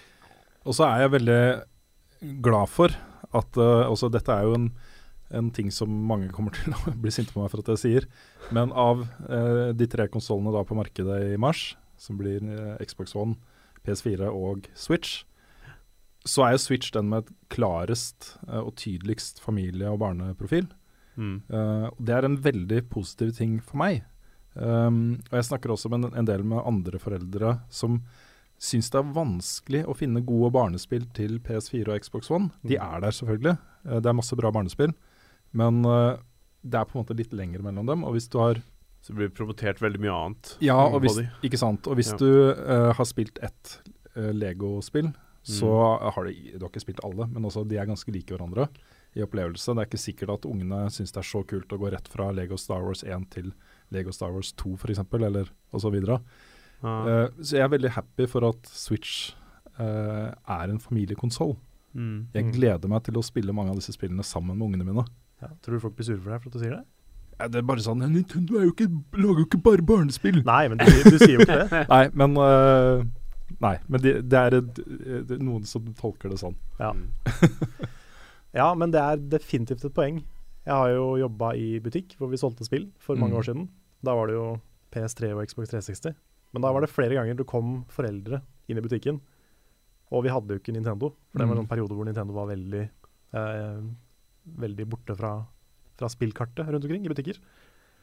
Og um, da spurte de liksom har dere noe spill for barn. Nei, de hadde ingen spill for barn. Og det var et kjempeproblem, liksom. Ja. Det var så mye som ikke, ikke ble noe av. Mm. Det var bare sånne spill som var 15-18 pluss. Ja, ikke sant. Og det, det er ikke så mye av det. På, altså de fins selvfølgelig på PS4 og Xbox One, men det er mindre enn det kanskje burde vært. Jeg har følelsen også at mange av de spillene som kunne vært syvårsgrense, eh, blir liksom beefa opp litt til å bli tolv for å nå en litt eldre målgruppe. Fordi, de føler, altså, fordi det er kanskje mer målgruppa til PS4 og Xbox One. 12 pluss, eh, kanskje 16 pluss til og med. Mm. Um, så eh, derfor så blir det liksom litt vold da, og litt uh, skyting og Har ikke det alltid vært der, da? Med litt sånn uh, tegneserievold, på en måte? Jo da, jeg er ikke så stressa ikke på det. er, Jeg er ikke så stressa eh, på det. Nei. Altså, jeg tror ikke noen blir traumatisert av spillet Ratchet Clank, f.eks. Nei da, det tror jeg heller ikke det. Eh, helt fair. Mm. Vi fløy der rundt og med både lekte cowboy og indianere og hadde kruttklapppistoler, og det var ikke Nei, jeg har ikke tenkt å ta den, den diskusjonen her, for det var ikke det jeg mente. nei. Men, nei, nei, jeg skjønner skjønner det. Men i samme i um, Jeg tenkte på i traileren til Switch, mm. så var det jo ingen barn i den traileren. Det var jo sånn I det hele tatt så var det en veldig sånn uh, Ja, ikke fullt så klein prestasjon som kunne ha blitt. Mm. Vi har jo snakka mye om disse trailerne hvor, eh, hvor det er barn og bestemødre og sånn som har det så innmari morsomt Ja, ja, ja. sammen. og sånt. Ja. Det var ikke så mye av det.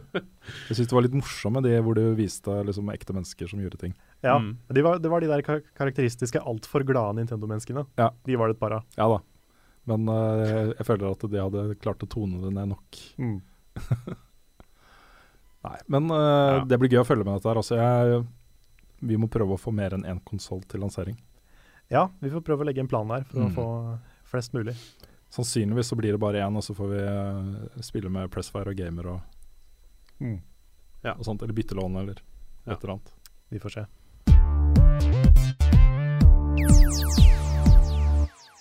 Og en time seinere så går vi over på første del av den vanlige podkasten vår, nemlig hva vi har spilt i det siste. Er det noen som har lyst til å begynne? Hva de har spilt i jula? Jeg kan Du ser på meg, så da Jeg kan jeg, på deg, jeg kan godt begynne. Ehm, ja, det, det som er liksom mest merkbart av nye ting jeg har spilt, er Milky, Milk Made of the Milky Way. Ja, som du tok opp i Level Up. Ja, vi fikk jo uh, tidlig kode på det. Fikk mulighet til å spille det, så det begynte jeg å spille i jula. og det um,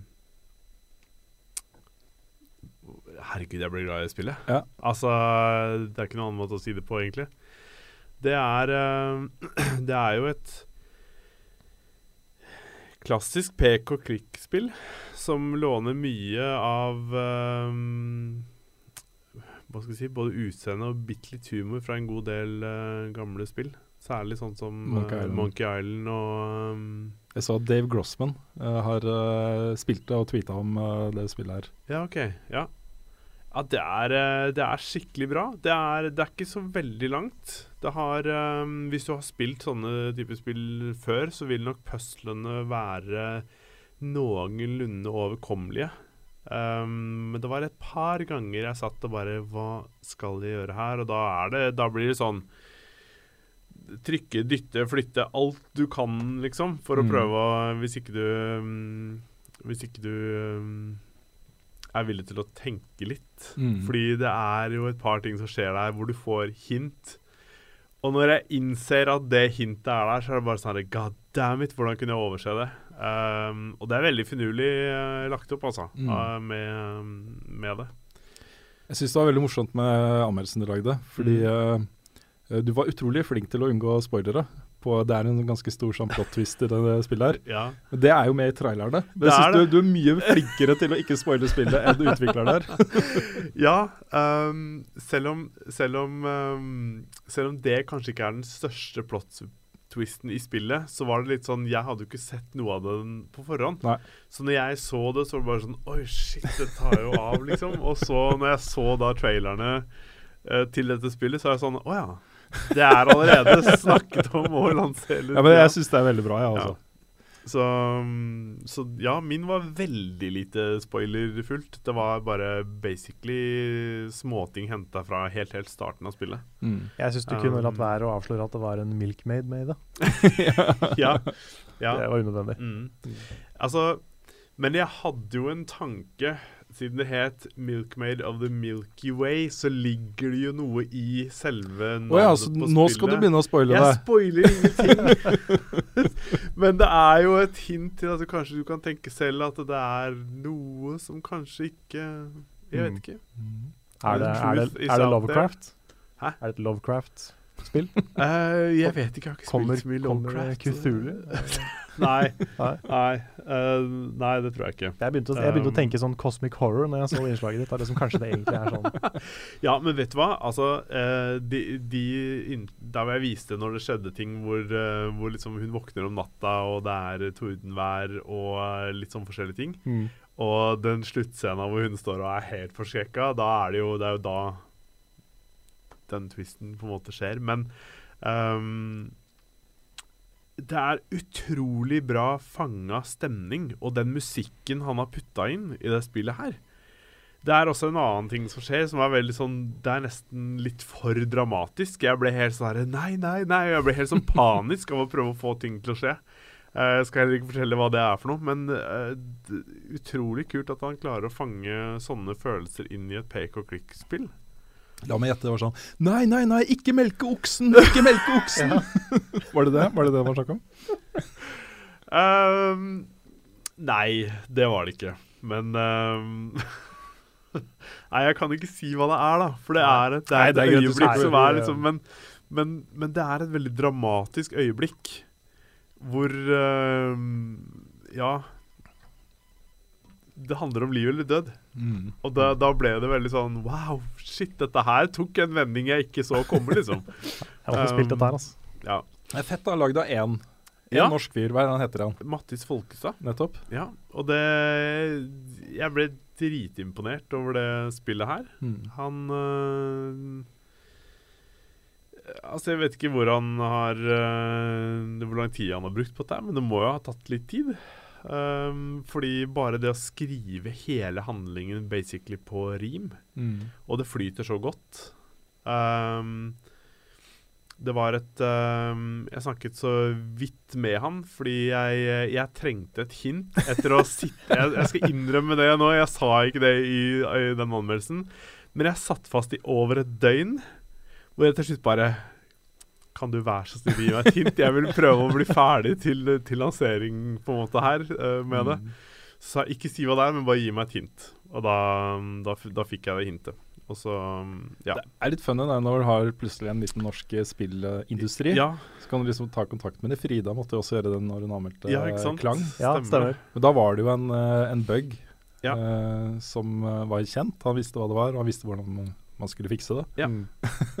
Ja, ikke sant. Og det var også Det var eh, Det var én bug jeg kom over her på Angler. Det var at hun Ruth ble stuck i terrenget. Men det var han vel klar over og hadde fiksa, fiksa allerede. Så det var, men det var ikke noe som Det var ikke game-breaking. Det var bare sånn et øyeblikk hvor hun satt litt fast, og så ordna det seg. Mm. Men eh, lite, lite tull med det spillet, altså. Det Ja. var uh, skikkelig bra. Jeg kan uh, i aller høyeste grad anbefale det. Det koster 44 kroner på iOS. Steam koster det kanskje litt mer, i hvert fall nå må moms kommer inn. Jeg vet ikke når det skjer. Det ble innført 1.1. Da er det sikkert oppe i 50 et eller annet kroner, da. Mm. Vil jeg tippe. Jeg har ikke sjekka det der.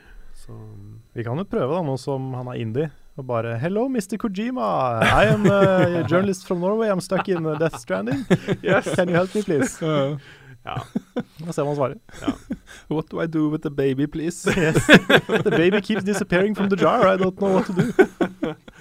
ja. Nei, men uh, hvis du liker uh, den Mr. type Kojima, please. I'm, uh, I'm falling in love with Mats Mikkelsen. Can you please help me? Ah, ja. Please send Mats Mikkelsen, thank you.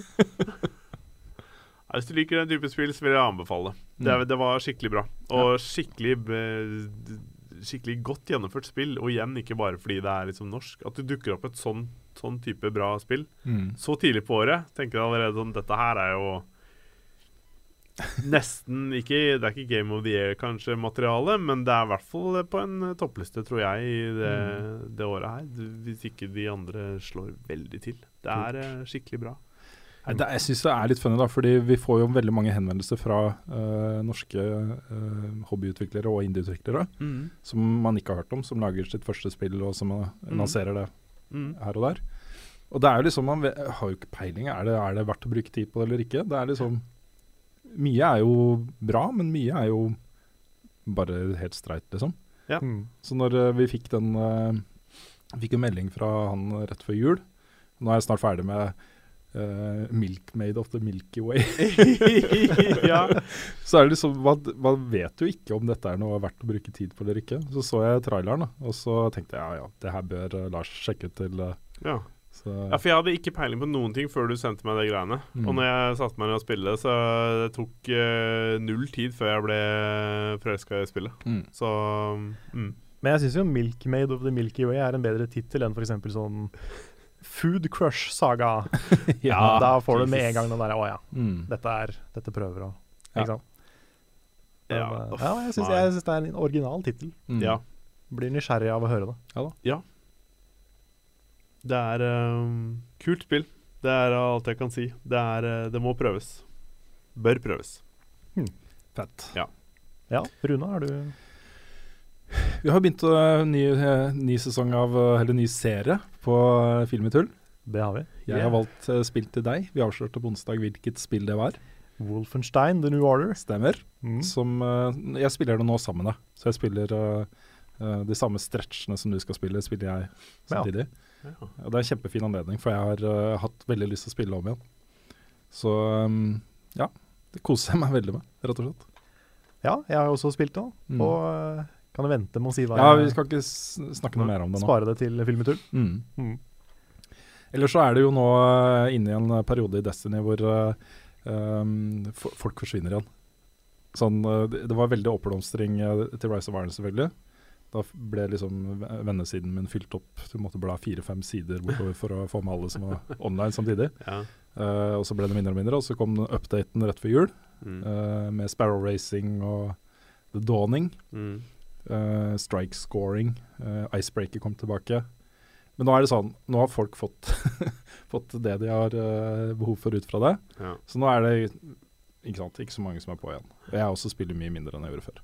Så det jeg har brukt tid på i det siste, er å catche opp litt TV-serier.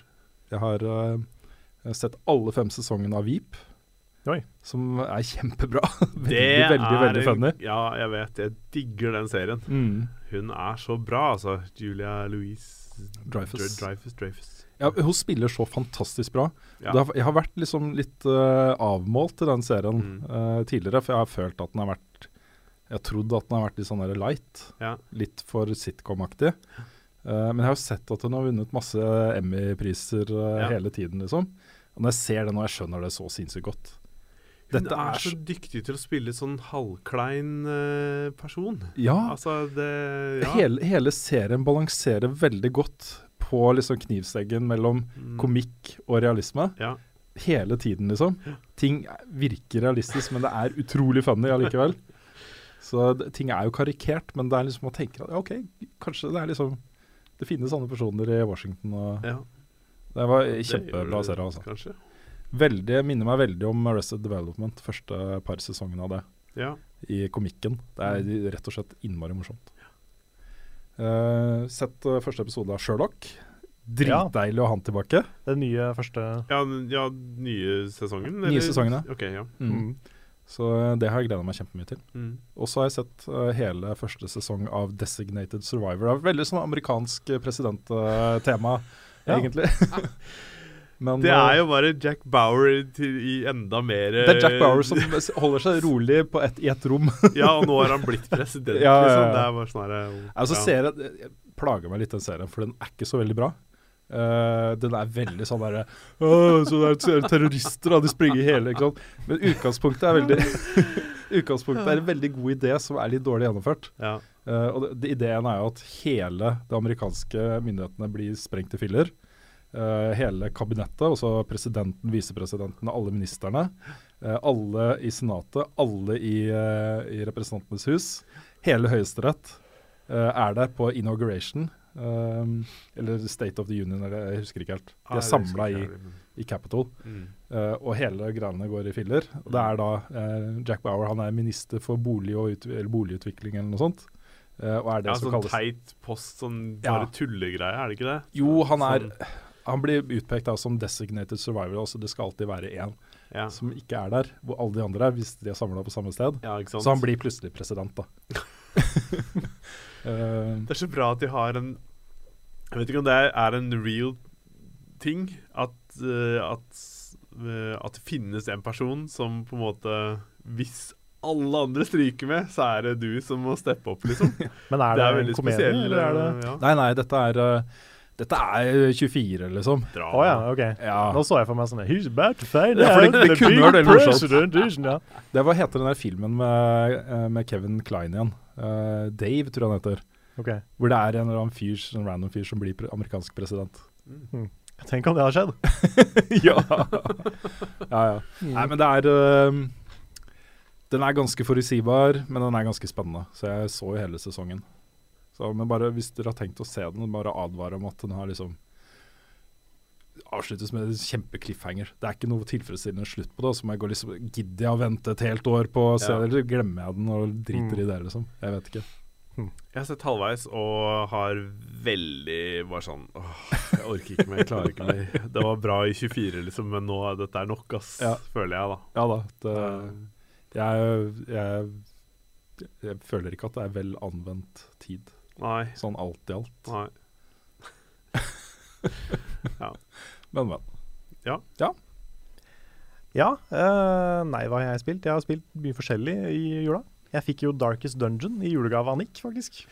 Apropos en liten uh, Oi. Nå har jeg glemt det Oi, nå skjer det ting her. Men du sendte jo ut julegaver til oss alle sammen. Jeg og gjorde det det. fant jeg ut litt sent. Det kom bare mail fra Steam om at noen har gifta meg. Ja, men det var, det var veldig siste liten på julaften. Okay. Fordi jeg satt og så det var sånn fancy julesalg på Steam, så tenkte Ja. jeg her er det veldig mye som jeg Og jeg trodde det var fake, fordi den mailen du har der, den var spesiell. Jeg skal ikke si den høyt, kanskje. Nei. Men, uh, Nei Var det en annen mail? Ja, det var et sånn Det kommer fra, liksom, det kommer fra Steam, og jeg får mye mailer fra Steam, så jeg så ikke at det var fra deg. Ja, det er sånn, ja. Greit, Jeg har kjøpt en julegave til deg. Jeg har Du ikke har pakka den. Oi. Den har jeg liksom hatt liggende hjemme lenge. Å, dæven. Dette er en svær bok som heter Nintendo 64 Anthology. Oi, oi, oi. Damn. Så det var liksom Tusen takk. Jo, bare hyggelig. Det er jo en- var litt sånn passende anledning når de lanserer Switch og sånne ting også. Ha. Kult. Den her, eh, den her, skal, jeg, den her skal jeg se. Dette er, dette, dette er kult. Tusen takk. God jul, Karl. Takk, takk. Vent, da. Få se. Den mailen der. Ja, det, det er eh, Jeg var 14 da jeg lagde den. For det var det jeg reagerte på. Det sto liksom bare Carl, og så er det sånn veldig sånn her Ja, ja, men det er en gammel, gammel hotmail. ja. Du Så får si det er, det sjøl uh, hvis du vil si hva det er. Nei, men det trenger det du kanskje ikke gjøre. Men ikke være public. eh, det, det var derfor jeg tenkte bare Er dette deg, eller er det en som utgir seg for å være deg, som har gitt meg et spill? Men Ja. hvorfor, hva som fikk deg til å velge liksom, eh, adressen I like boobs eh, 99? Nei, altså Jeg tenkte jeg skulle være uh, Tornado92 at uh, ilikeboobs.hotmail.dk. Ja, Så nei det. Nei det, er ikke, det er ikke noe sånt. Det er bare Det er, det er veldig nerdete, men det er en sånn referanse som jeg, det, det tar litt lang tid å forklare det. Ja, det går bra. Det var, Det det var helt derfor jeg fint. reagerte litt på det. For jeg, jeg, jeg sendte deg en melding og spurte Er det deg, liksom. Ja. Og det var det, da. Ja, det er en, eh, en gammel, gammel Steam-ting. Ja. Men, um, Det er greit. men nei, jeg spilte Darkest Dungeon litt. Og eh, veldig bra inntrykk av det foreløpig. Har ikke rekket spilt det så mye, men jeg har begynt på det. Mm. Og så har vi spilt masse Phoenix Wrights, eller Ace Attorney. Er nå midt i spill nummer to. Så prøver å jobbe oss gjennom den første trilogien der. Mm. Og så har jeg spilt Walking Dead sesong tre, de to første episodene av det. Ganske lunken Mm. på den. Ja. Det er liksom Jeg syns sesong én var amazing. Sesong to var bra. Og sesong tre har hittil føltes litt sånn Ja ja, nå er vi her igjen. Og bare nye figurer som Spoiler alert, det er folk som dør i Walking Dead. og det er liksom Det er vanskelig å bry seg nå. Mm. Og det begynner å bli litt sånn spekulativt, syns jeg. At det, det virker som de prøver veldig hardt å sjokkere, uten at du får den der eh, følelsesmessige greia samtidig. Mm. Så jeg, I sesong én så brydde jeg meg så veldig når noen døde. Ja. Men det gjør jeg ikke lenger. Nei. For du blir ikke kjent med dem. Så um, Mm. jeg er ganske lunken. Det er noen kule øyeblikk, og den eh, spesielt Jeg skal ikke si hva som skjer, men episode to av sesong tre slutter ganske kult. Og jeg så ikke helt det komme. Ok. Så eh, det er stilig. Så det kan bli bra, men Mm. så er det litt med. ok. Men det er, eh, tror jeg, stort sett det jeg har spilt. Ja, Vi har jo hatt sånne ekstreme omganger med sykdom i familien hos meg nå. Da har det liksom Alle har blitt relativt friske igjen, Uh, men det har brutt ut av helvetes, hel, helvetesild på Sam, på yngstemann. Det er jo ikke plagsomt, egentlig, men det er jo veldig smittsomt og litt sånn Du må bare passe litt på, da. Um, så det er jo Helvetes ild. Ja, ja, det- er det sånn, sånn utslett? Sånn, um, Ja, sånn sår som kan spre seg til hvor som helst på kroppen, egentlig. Okay. Så, så det som uh, gjerne skjer, er at du får et sår. Peller du på det, og så klør du deg på kinnet, Ja, og så får du sår der. Okay. Og så klør du litt på armen, og så får du altså, Ikke sant? Det er derfor det heter helvetes, riktig. helvetesild. riktig. Men ehm, eh, ikke farlig. Ikke, ja, så lenge det er dekka til, så går det bra. Ja. Men etter to måneder med liksom bølger av sykdom hele tiden, og hele jula var jo alle sjuke, Mm. så eh, er det litt godt å være liksom i gang nå med januar og kan liksom sette seg ned og overskudd og Ja. alle de morsomme tingene vi skal gjøre. Mm. ja, men det er bra.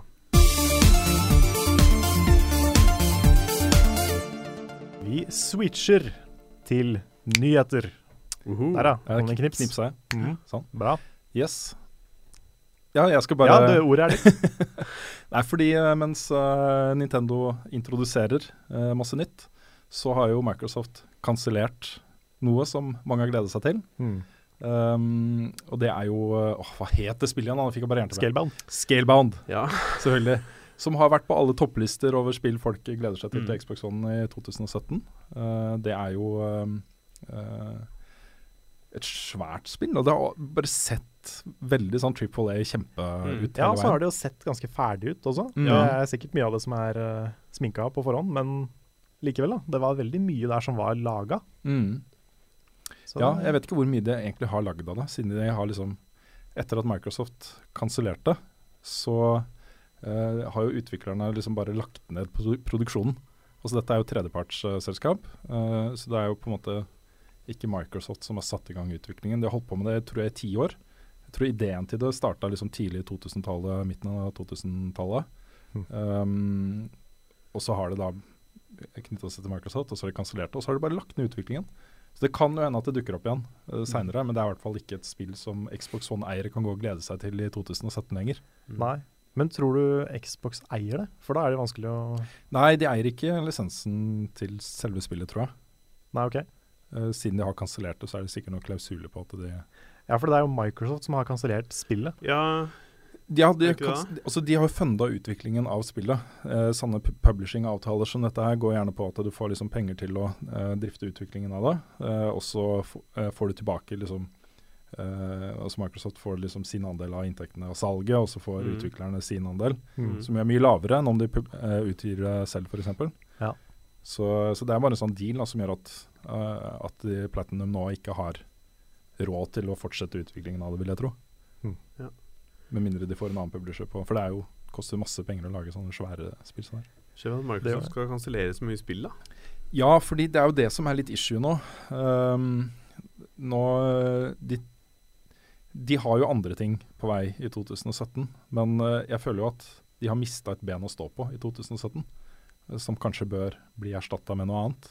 Mm. Eh, jeg gikk litt gjennom hva de største, aller største Xbox One-eksklusive tingene er i 2017, og det er nå Halo Wars 2, eh, Crackdown 3, eh, State of Decay 2 eh, og Sea of Thieves.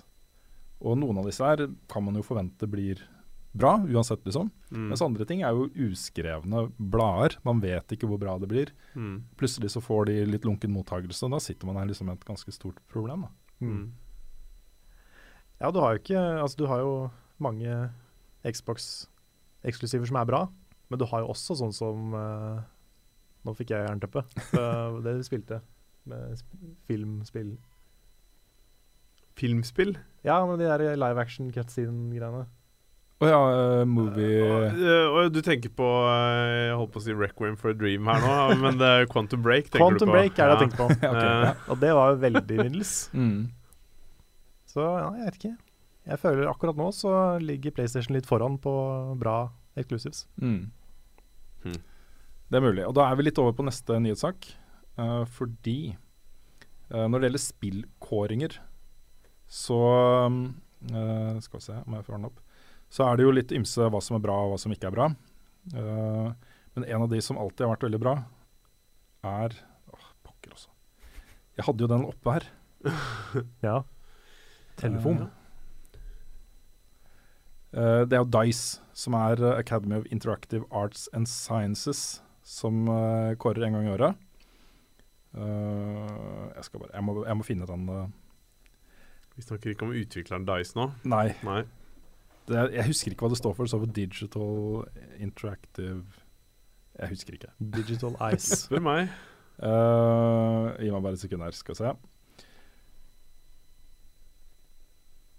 Det som i hvert fall er saken, er at uh, det mest nominerte spillet der uh, i år er Uncharted 4.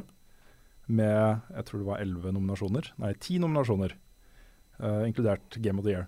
Da kan vi også nevne at vi har akkurat kåra årets spill i redaksjonen. Vi hadde en livestream på to timer Det hadde vi. pluss på onsdag Mm. eh, hvor vi diskuterte oss fram til vår toppliste. Eh, jeg, jeg er, når jeg ser på den lista nå, så er jeg veldig fornøyd. Mm. Jeg føler nok at Uncharted 4 At vi snakka det litt for langt ned på lista. Kanskje. kanskje. Det burde var- kanskje vært litt Ja, det er fordi vi var så veldig passionate på alt det andre. Ja, jeg Så- tror det Det var veldig jevnt, Mm. jeg. Liksom særlig uh, Ja, egentlig mellom alle de spillene. Eh, Mm. Men vi endte jo opp med å kåre The Witness som eh, eh, årets spill. Mm. Det gjorde vi.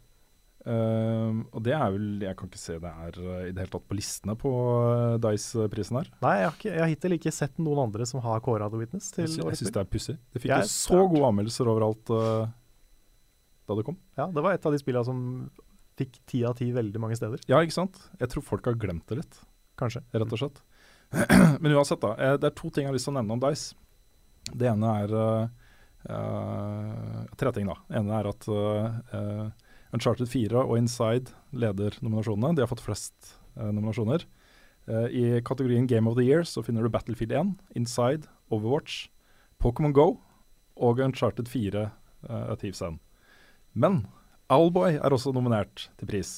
Og det er i kategorien Outstanding Achievement in Game Design.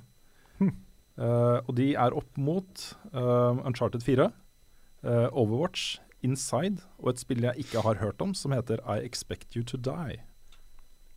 Å ja, jeg har hørt navnet, men jeg vet ikke hva det er. Mm. Uh, og det er jo kjempekult. Utrolig fett at de fikk den anerkjennelsen. anerkjennelsen. Ja, herregud.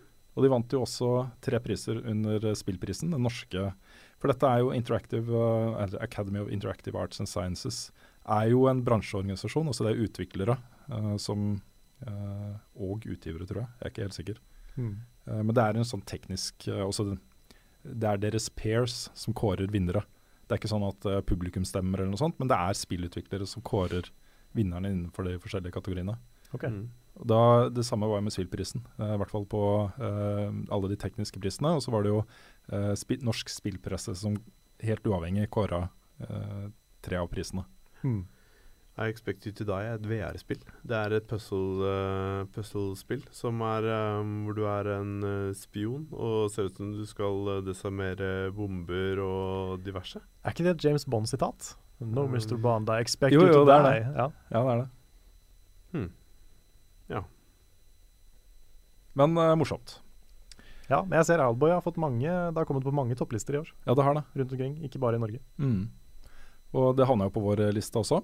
Det gjorde det. Ja, Vi kommer til å legge ut en egen video eh, også. Eh, vi kommer til å legge ut streamen, ikke sant? Hele streamen. Gjør vi det? Ja, det gjør vi. Ja. Vi. Pluss da at vi lager en egen video hvor vi teller ned topp Ja. ti. Pluss fire um, honorable mentions. Ja. Mm.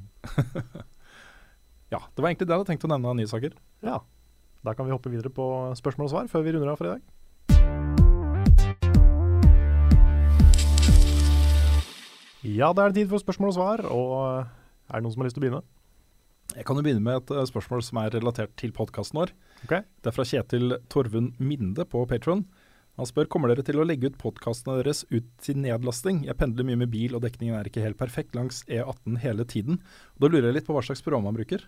Ja, de er jo Ja, de er ute. Du kan laste dem. ned. Ja, ja, altså fra alle podkast-apps så kan du jo laste det ned til Ja. telefonen din f.eks. Du kan også gå rett inn på soundclouden vår og laste den der og legge det inn vel basically hvor du vil. Mm. Så Du laster ned det- MP3-fila fra Ja.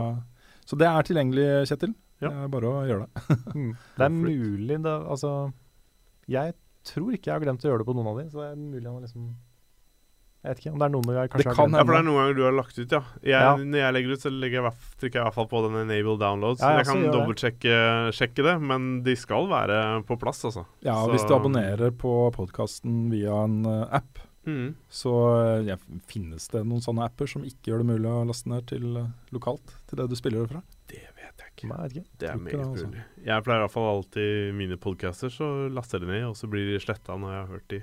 Så Mm. Ja. Ja, ja. Det er offline. Ja, Ja. Men hvis det, hvis ikke det er mulig, så er det noe feil, i hvert fall. Ja, jeg som- mistenker at han kanskje går inn på Soundcloud-siden og spiller den av fra telefonen kobler den til lydanlegget på bilen. Ok.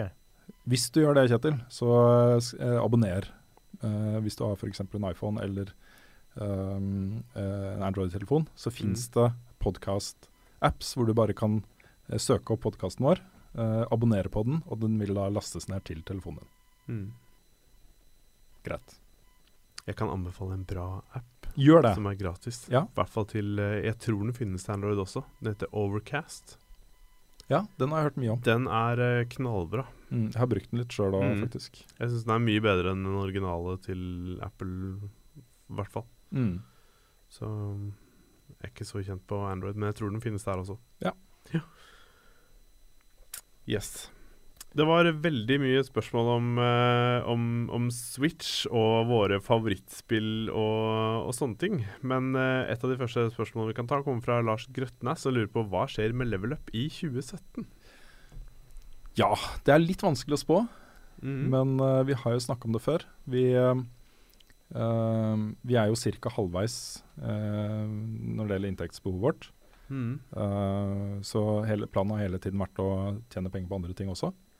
Eh, og der det er, det er så nære at det lander, altså. Det Mm. er så nære at det lander. Uh, og jeg prøver ikke å få liksom, håpet mitt altfor mye opp. Men jeg tror jo uh, noen av disse tingene kommer til å lande, Uh, og at de kommer til å lande ganske snart. Ja. Mm. Så i løpet av februar i hvert fall, så tror jeg vi har noen ganske klare svar på hvordan 2017 ser ut. Mm. Og én mulighet er jo at vi begynner å lage et ukentlig magasin igjen. Um, og hvis det går bra, så kan det hende at vi fortsetter med å gjøre det også til høsten. Ja. Mm. Og det blir da på et sted, altså på en, ikke på YouTube, men på På et annet sted, da. en, eh, Ja. en kanal, på Ja. en måte. Og hvis det skjer, da, så vil vi jo lage noe eksklusivt innhold til, eh, til det. Men uh, alt det vi gjør i dag, vil vi fortsatt legge ut på våre egne kanaler. Mm. Det er uh, Uansett hva som skjer, så er det liksom det YouTube-universet som vi har bygd opp, og Soundcloud og iTunes og alt det vi gjør. Det, det vi gjør nå, det er viktig for oss, og det, er, det vil liksom alltid være det. Ja, ja, og eh, vi går ikke inn i noen TV-avtale med noen uten at vi får lov til å fortsatt jobbe med det og fortsatt beholde de tingene. Så, så det er helt kritisk. Hvis det hadde vært eh, en deal-breaker, så hadde det bare ikke blitt noe av. Nei. Så ja, så greit er det. Ja. Mm. men, eh, men det er det viktigste for oss, at vi får på plass eh, mer inntekter. Eh, og hvis vi gjør det, så blir det jo snakk om å profesjonalisere driften litt av selskapet vårt. Få på plass ordentlige kontorfasiliteter. Uh, prøve å få nok penger til Lars, sånn at du kan komme deg inn til Oslo uh, mer. Yeah. At vi kan sitte mer sammen og jobbe. Mer penger til frilanserne, Mm. um, som går på luselønn i dag. Virkelig. Ja, de, de får definitivt ikke så mye som de fortjener å få. Nei. Så, så det er viktig for oss. Ja, vi har et Vi er dedikerte, da. Det, det Veldig synes jeg anmelderne er, ja. og vi skal ha alt å få si at vi, ja, vi står på. Det er, altså, det, er- det er pokker meg den beste gjengen jeg har jobba med. Ja, det er helt fantastisk. Det er, Ja. Flinke folk òg. Jesus. Ja, det er har eh, Det føltes feil å fortsette uten de som Ja. er Altså, det er sånn Ja, jeg, det, det føles riktig å være oss. Mm, det gjør det. Eh, Vi har et spørsmål fra Josef Daimin. Han sier hvis Nintendo Switch blir en fiasko, syns dere heller da at Nintendo skal slutte å produsere konsoller og heller lage spill til PS og Xbox? Jeg sa det litt i stad, hva jeg mener. At jeg syns det er veldig bra at Nintendo lager annerledes konsoller. Ja, jeg syns også det, men jeg syns samtidig at eh, det aller aller beste med Nintendo er spillene i seg selv. Litt sånn uavhengig av hva du spiller de på. Eh, det er Nintendo som spillutvikler som jeg er mest glad i. Mer enn hva de gjør med konsollene sine. Så um, eh, jeg hadde ikke hatt noe mot å se et Mario-spill på PS4 f.eks.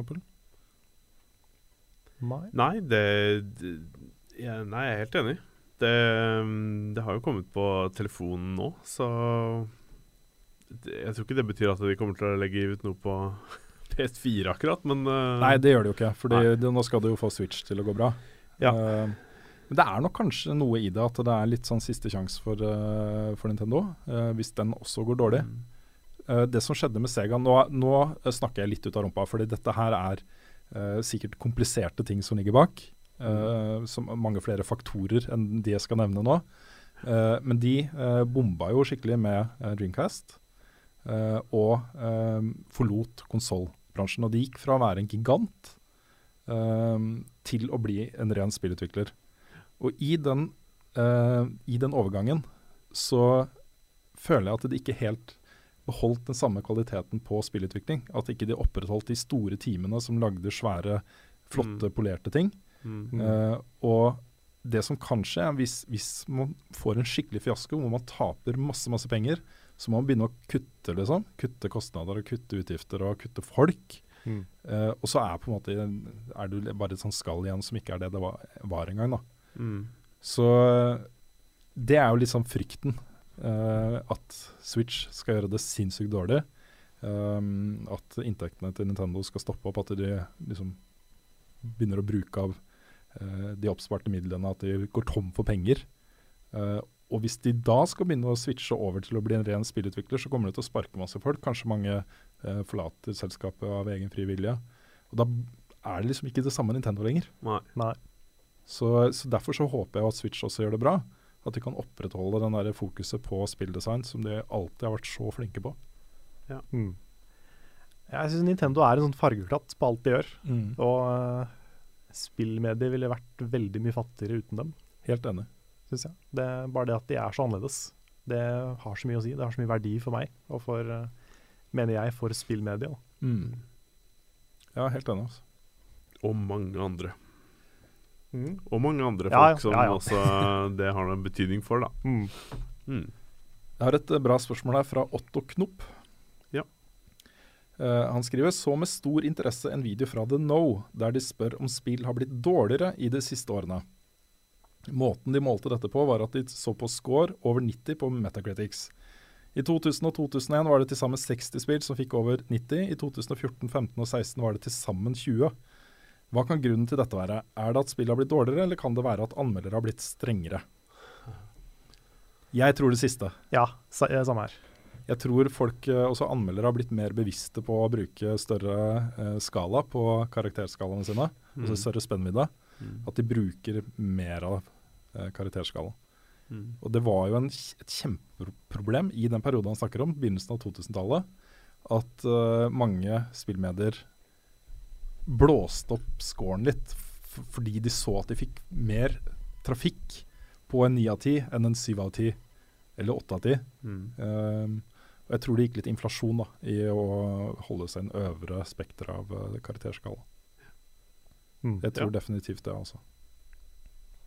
Og så syns jeg defini definitivt at spill har blitt ikke bare bedre, men også mye mer variert Mm. enn de var da. Ja. Det, er så mye, det er så mange flere forskjellige måter å lage spill på. Og så mange flere typer opplevelser som finnes nå. Mm. Så jeg syns på ingen måte at spillet er noe dårligere nå enn de var da. Nei, så tror jeg det er blitt flere av den type spill som uh, treffer smalere. Ja. Uh, ta et eksempel som Brothers, for eksempel, som jeg ville gitt en sekser, i hvert fall ni av ti, kanskje ti av ti. Eh, og du ga den en firer i din anmeldelse. Ja, altså ikke av ti, men Nei, fire av seks. Ja. Terningkast fire. Og det er helt legitimt, føler jeg, for flere og flere spill. Firewatch, et annet eksempel. Mm. Stor spennvidde i hva folk mener om det spillet. Mm.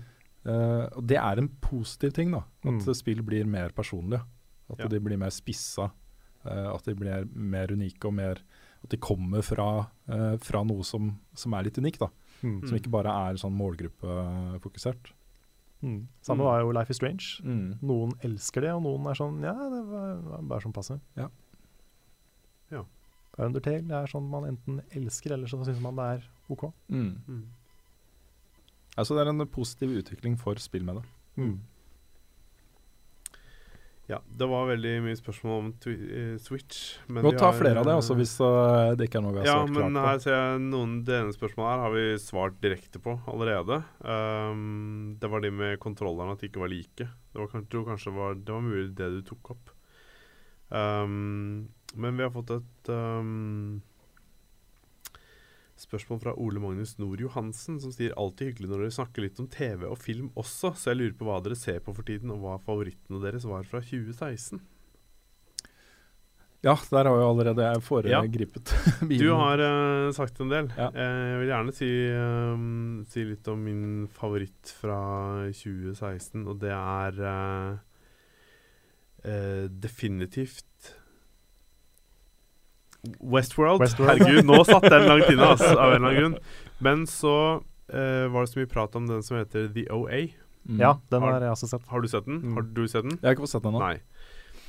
Det var en sånn som dukka opp fra ingen steder. Ja, litt sånn. Stranger Things, egentlig. Ja, Mm. og så um, vet ikke hva jeg skal si om den. Jeg satt lenge og så på den og ble veldig sånn derre mm, Jeg vet ikke, det er spennende, og så er det bra. Og så kommer liksom Ja. slutten og bare knuser uh, Hva skal jeg si, ja? Den, den, den la meg i bakken og bare liksom Hei, dette er bra, liksom. Å ja. Jeg trodde du skulle si noe annet. Da. Nei, det var nei altså Jeg vet ikke helt hvilke ord jeg begynte å bruke Nei, her ok, nå, for jeg skulle, jeg skulle eh, til å si at ansiktet ditt for, forklarte det jeg følte. For du så litt forvirra ut, og jeg var veldig forvirra over den eh, Ja, for jeg var veldig forvirra lenge over den serien. Men, Mm. uh, men jeg syns um, spesielt siste episode gjorde den komplett, liksom. Det var uh, Ja. Jeg skal Ja, se den. Det er seks episoder eller sånn, er det ikke det? Det er ja, ti, ja, Ti, ja, ok, greit. Ja, det- ja åtte, eller, åtte Det er mulig det er 8, jeg husker ikke. Ja, det er noe sånt noe. Og den, eh, den var eh, overraskende bra, altså. Det, Mm. var, det er verdt å uh, henge med hele veien. Ja. Jeg syns den var uh, veldig spennende mens jeg så den. Jeg Aner ikke hva jeg syns om slutten. Nei. Jeg har tenkt veldig mye på den. Mm. Jeg vet ikke hva jeg syns. Om jeg syns den var bra, eller om jeg syns den var rar, eller om jeg syns den var passende, ikke passende. Nei. Om den gjorde seg eller om den ødela. Jeg, jeg aner ikke. Den bare, den bare sitter der som en sånn Nei, for det er fortsatt spørsmål jeg har der som jeg ikke har fått svar på. Så, eller som ikke jeg forsto. Så mm. Om det kommer noe mer, det vet ikke jeg, men uh, Nei, de har snakka om sesong to. Ja. Jeg vet ikke om det, det er nesten Nei. Jeg har nesten lyst til at ikke de skal lage det, sånn siden det Ja. Det, Ja, jeg er litt enig. Det føltes som en slutt. ja, jeg er litt enig. Hvis de skal fortsette med de samme folka. Så, mm. Mm. Ja, men du nevnte jo Stranger Things. Det var jo også en knallbra Det serie. Det er nok min favoritt fra i fjor også. Ja. Du har ikke sett Westworld ennå? Jo, jeg har sett hele Westworld har det? også. Ja, den er, det er en av de to, da. Ja. Eller for så vidt også Game of Thrones uh, den siste sesongen der. Ja. Mm. Det kom mye bra serier i fjor, så jeg tror jeg har fått sett mesteparten av de tingene. Mm. Black Mirror, så jeg jo. Ja, Black Mirror også er Ja. dritbra. Men uh, nei, jeg er enig med Westworld. Det er, det er høydepunkt for meg. Jeg likte veldig godt uh, progresjoner da. Og det, jeg jeg sjekka litt liksom uh, Jeg så den jo lenge etter at uh, den var ferdig. Flere uker etter at hele serien var ferdig, så så jeg gjennom alle episodene. Mm. Um, og jeg, det jeg så på nettet da, var jo at um, de tok en pause etter tre episoder. Og, og begynte å liksom rewrite litt for å få en annen type progresjon i det. De Ja. visste nok hvor de skulle ende opp. Ja. Men, Var det ikke uh, enda litt seinere? Jeg lurer på om det var sånn episode seks Ja, eller noe sånt noe. Fordi det er en episode hvor du, hvor du merker at bare Oi, shit, her begynner ting virkelig å skje igjen. Mm. Og da Det var det var der hvor de hadde en fire måneders pause. Hvor de da, som du sier, de, eh, de skrev kanskje ting på nytt og revurderte ting og bare Vi må gjøre noe. Mm. Og det, og det syns jeg de naila så bra, altså. Ja, fordi eh, driven i de siste episodene var, bare helt fantastisk. Ja. Mm. Eh, det gikk fra liksom å være litt sånn interessant, men litt famlende, Mm. til å bli veldig Også siste episoden er så tight. Mm. Um, Altså og, tight, ikke tight. Nei, den er tight. den har toit. Toit. Ja. Um, Ja, men synes jeg det er så bra avslutning også. Mm. Fordi at du får svar på det du basically vil vite, og så kan du stoppe der. mm. Du, du sitter ikke nå med en enorm cliffhanger som du må vente på i to år. For Ja. det kommer vel ikke noe før i 2018? Nei, det kommer ikke noe i år i det hele tatt. Nei. Så um, Og så syns jeg også tematikken der er jo så superaktuell. Uh, og det er også en tematikk som har blitt tatt opp mye i eh, Black Mirror.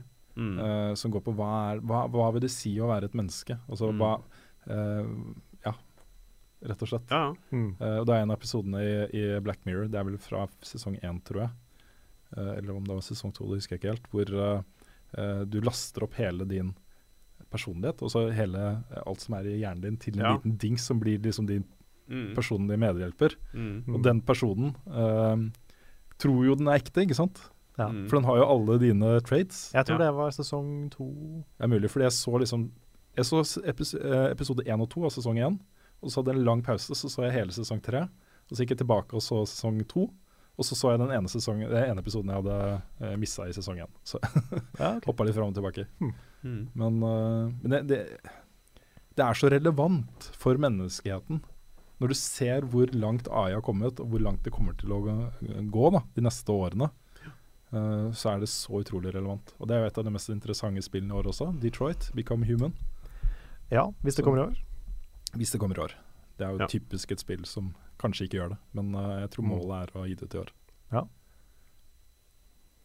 Mm. Spennende, spennende. ja, det kan jo gå begge veier, det spillet. da. Ja da, absolutt. Uh, så, men interessant er det. Mm. Ja. Litt apropos så har jeg et spørsmål her fra uh, Pål Lone på Mm. Patreon Uh, han skriver det har blitt kåret årets spill for 2016 etter et veldig bra spillår. Basert på det som er kjent uh, og rykter for i år, hva er deres spådom for hva som blir årets spill 2017? Det er vanskelig å si uten å ha spilt noe, men ja, Det er eh, kjempevanskelig, men uh, man kan jo ha en eh, viss uh, Man kan jo ta en crazy gjetting, mm. eh, selvfølgelig. jeg tror både Selda og Mario er gode kandidater, i hvert fall. Red Dead Redemption 2, en god kandidat.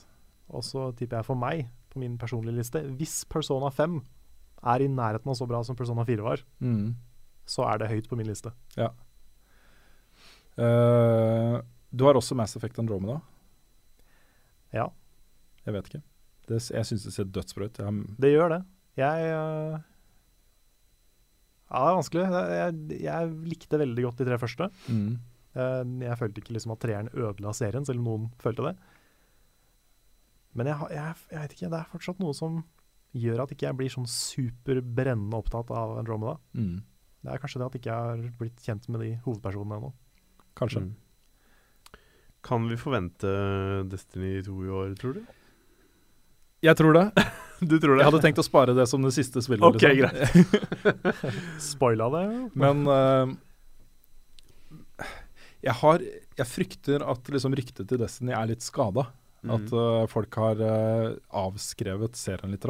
Mm. Um, det er jo mange titalls millioner mennesker som har kjøpt spillet og spilt spillet.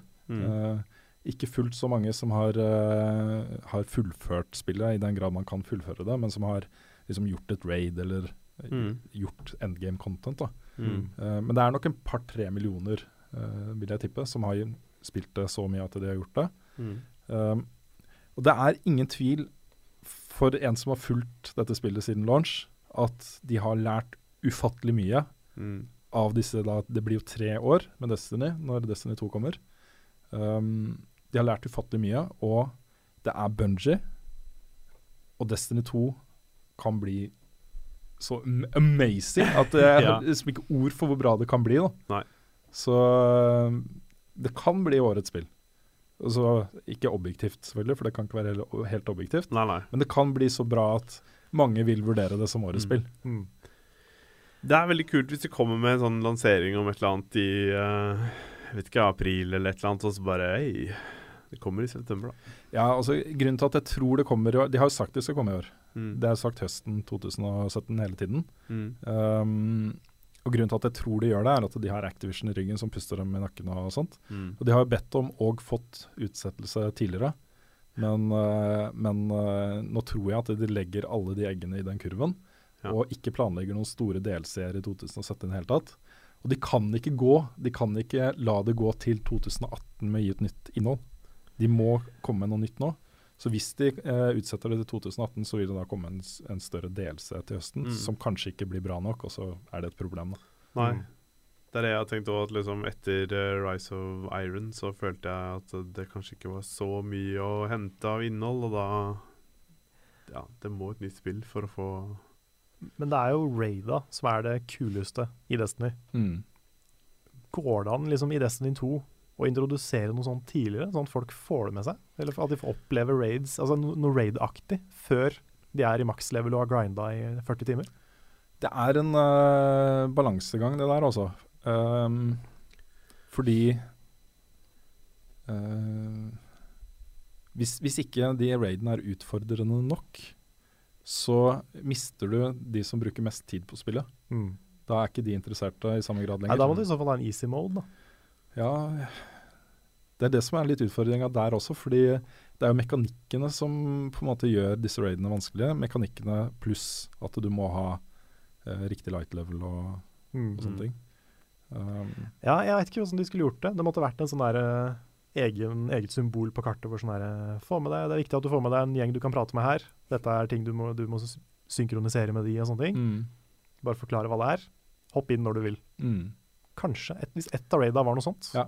Sånn at folk får det med seg uten at de må opp den stigen. Ja, jeg, jeg tror hvis de klarer å gjøre liksom, grunnopplevelsen mer interessant for folk, at det kanskje er en bedre story, at det er mer å gjøre Ja. uh, utenfor raidene, Uh, at det er mer interessant opplevelse. At du kanskje til og med kan spille spillet og ha en dritfet opplevelse uten å raide. Um, så tror jeg flere også vil være, være med lenge nok til at de kommer høyt nok i level, uh, får tak i det de trenger av utstyr og sånt, og kan raide.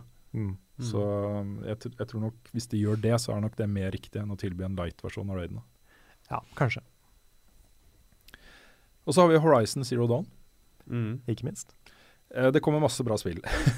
det gjør det også. Jeg nevnte jo at jeg har en, det, det blir en personlig toppliste, da. Eh, hvor du også vil finne sånne spill som Little Nightmares. Har dere sett noe på det? Nei. Det er et uh, plattform action-eventyr som ser eh, helt kriminelt bra ut. Det ser så bra ut.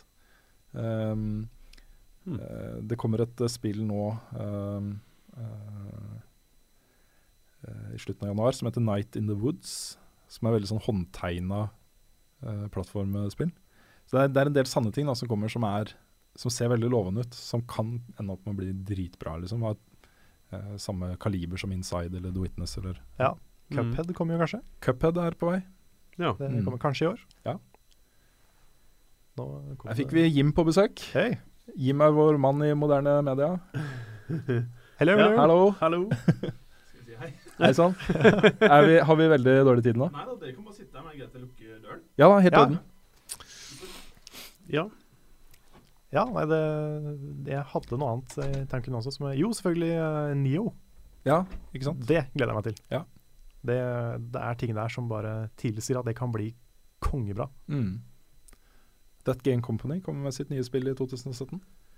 Det gjør de. Utvikleren av Journey. Nino Kuni 2 kommer vel i år? Ja da. Det kommer veldig mye bra. Men hvis vi skal ta liksom det som blir årets spill Jeg holder en knapp på Selda. Mm. Jeg har liksom en mistanke om at det kommer til å vinne mange hjerter. Det kommer til å være enten litt skuffende eller kjempebra, Mm. er jeg sikker på. Ja. En av de to. Mm.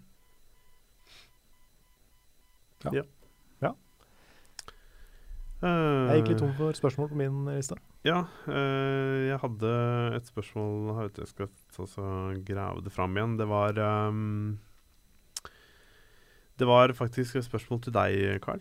Det er fra Alexander Aanvik, som sier han spiller Bloodborne. Fantastisk spill. Hva er det beste du liker med Bloodborne, Carl? Kunne Bloodborne vært en utfordring til Rune i et Fyll med tull-serie? Bare forslag.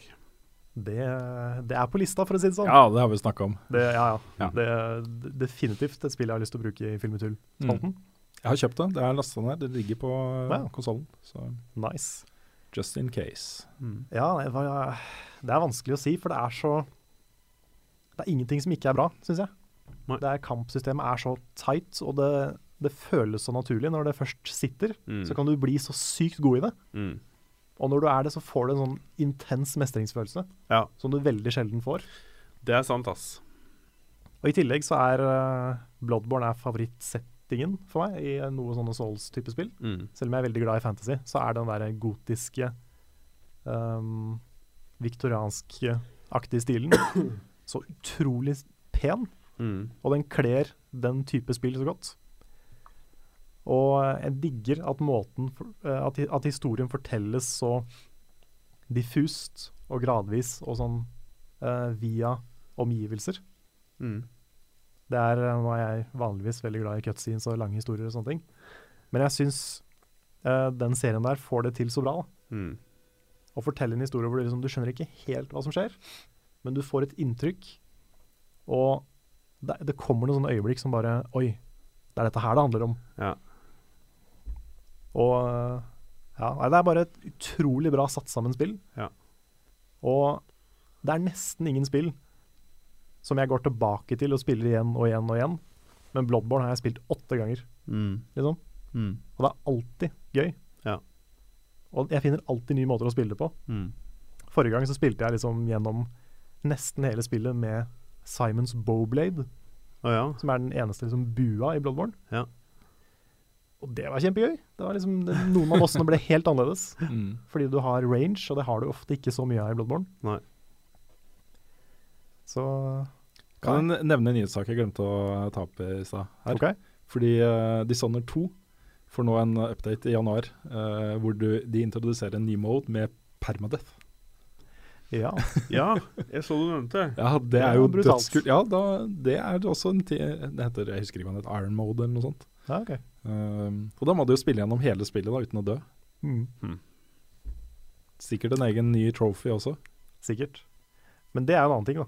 At um, måten de spilla, uh, kanskje spesielt Bloodborne, bruker, bruker vanskelighetsgraden på. Fordi det er ikke vanskelig for å være vanskelig. Det er vanskelig for å suge deg inn i den verden. Mm. Og du blir så kjent med hvert eneste område du er i. Mm. Og du får et forhold til det på en helt annen måte. Fordi du har vært der, og fordi du må være så på, og du må tenke på hvor du skal gå, hva du skal gjøre, hva slags eh, fremgangsmåte du skal ha hele tida. Så um, Nei, du, får, du blir så tett knytta til Bloodborne når du spiller det. Mm. Og det er eh, Nei, det er helt utrolig bra. Det er et av favorittspillene mine noen gang.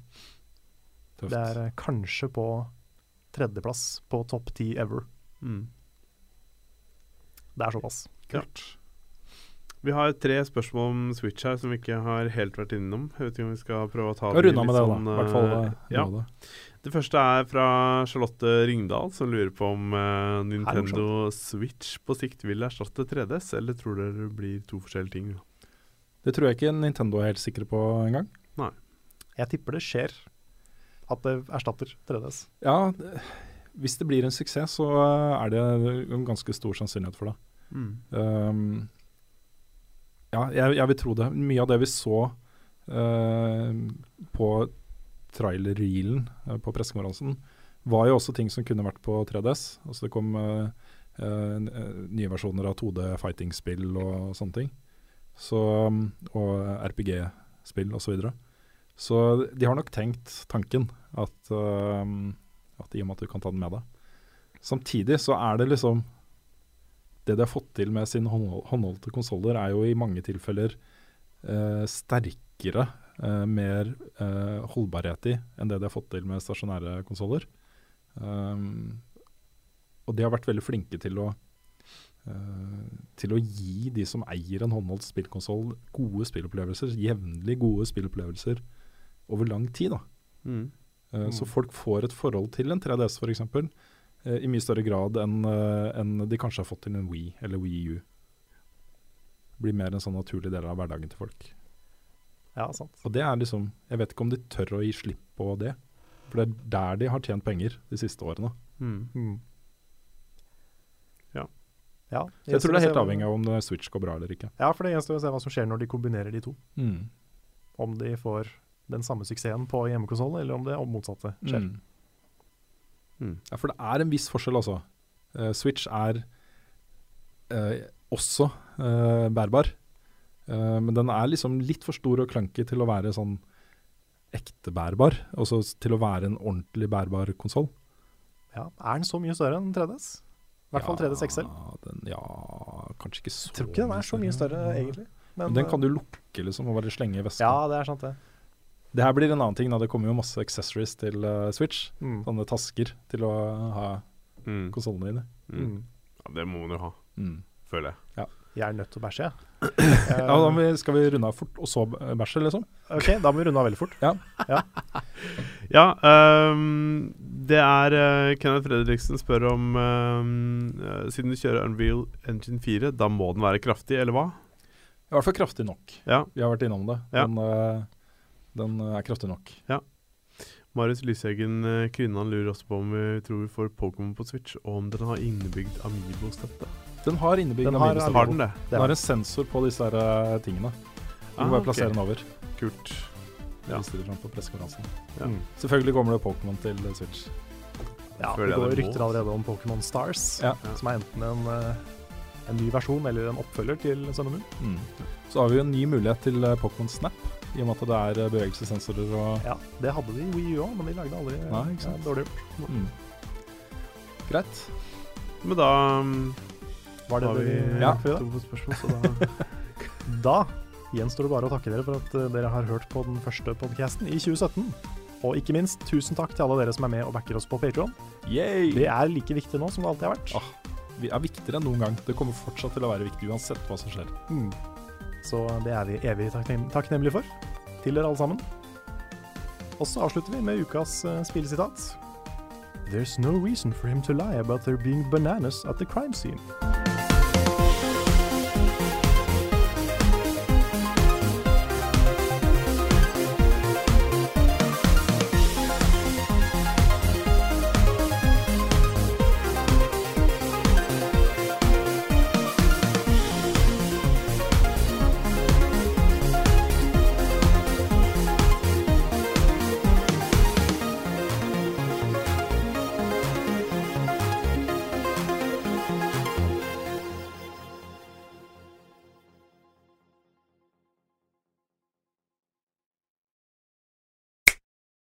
Har du et enkeltpersonforetak eller en liten bedrift? Da er du sikkert lei av å høre meg snakke om hvor enkelt det er med kvitteringer og bilag i fiken, så vi eh, gir oss her, vi.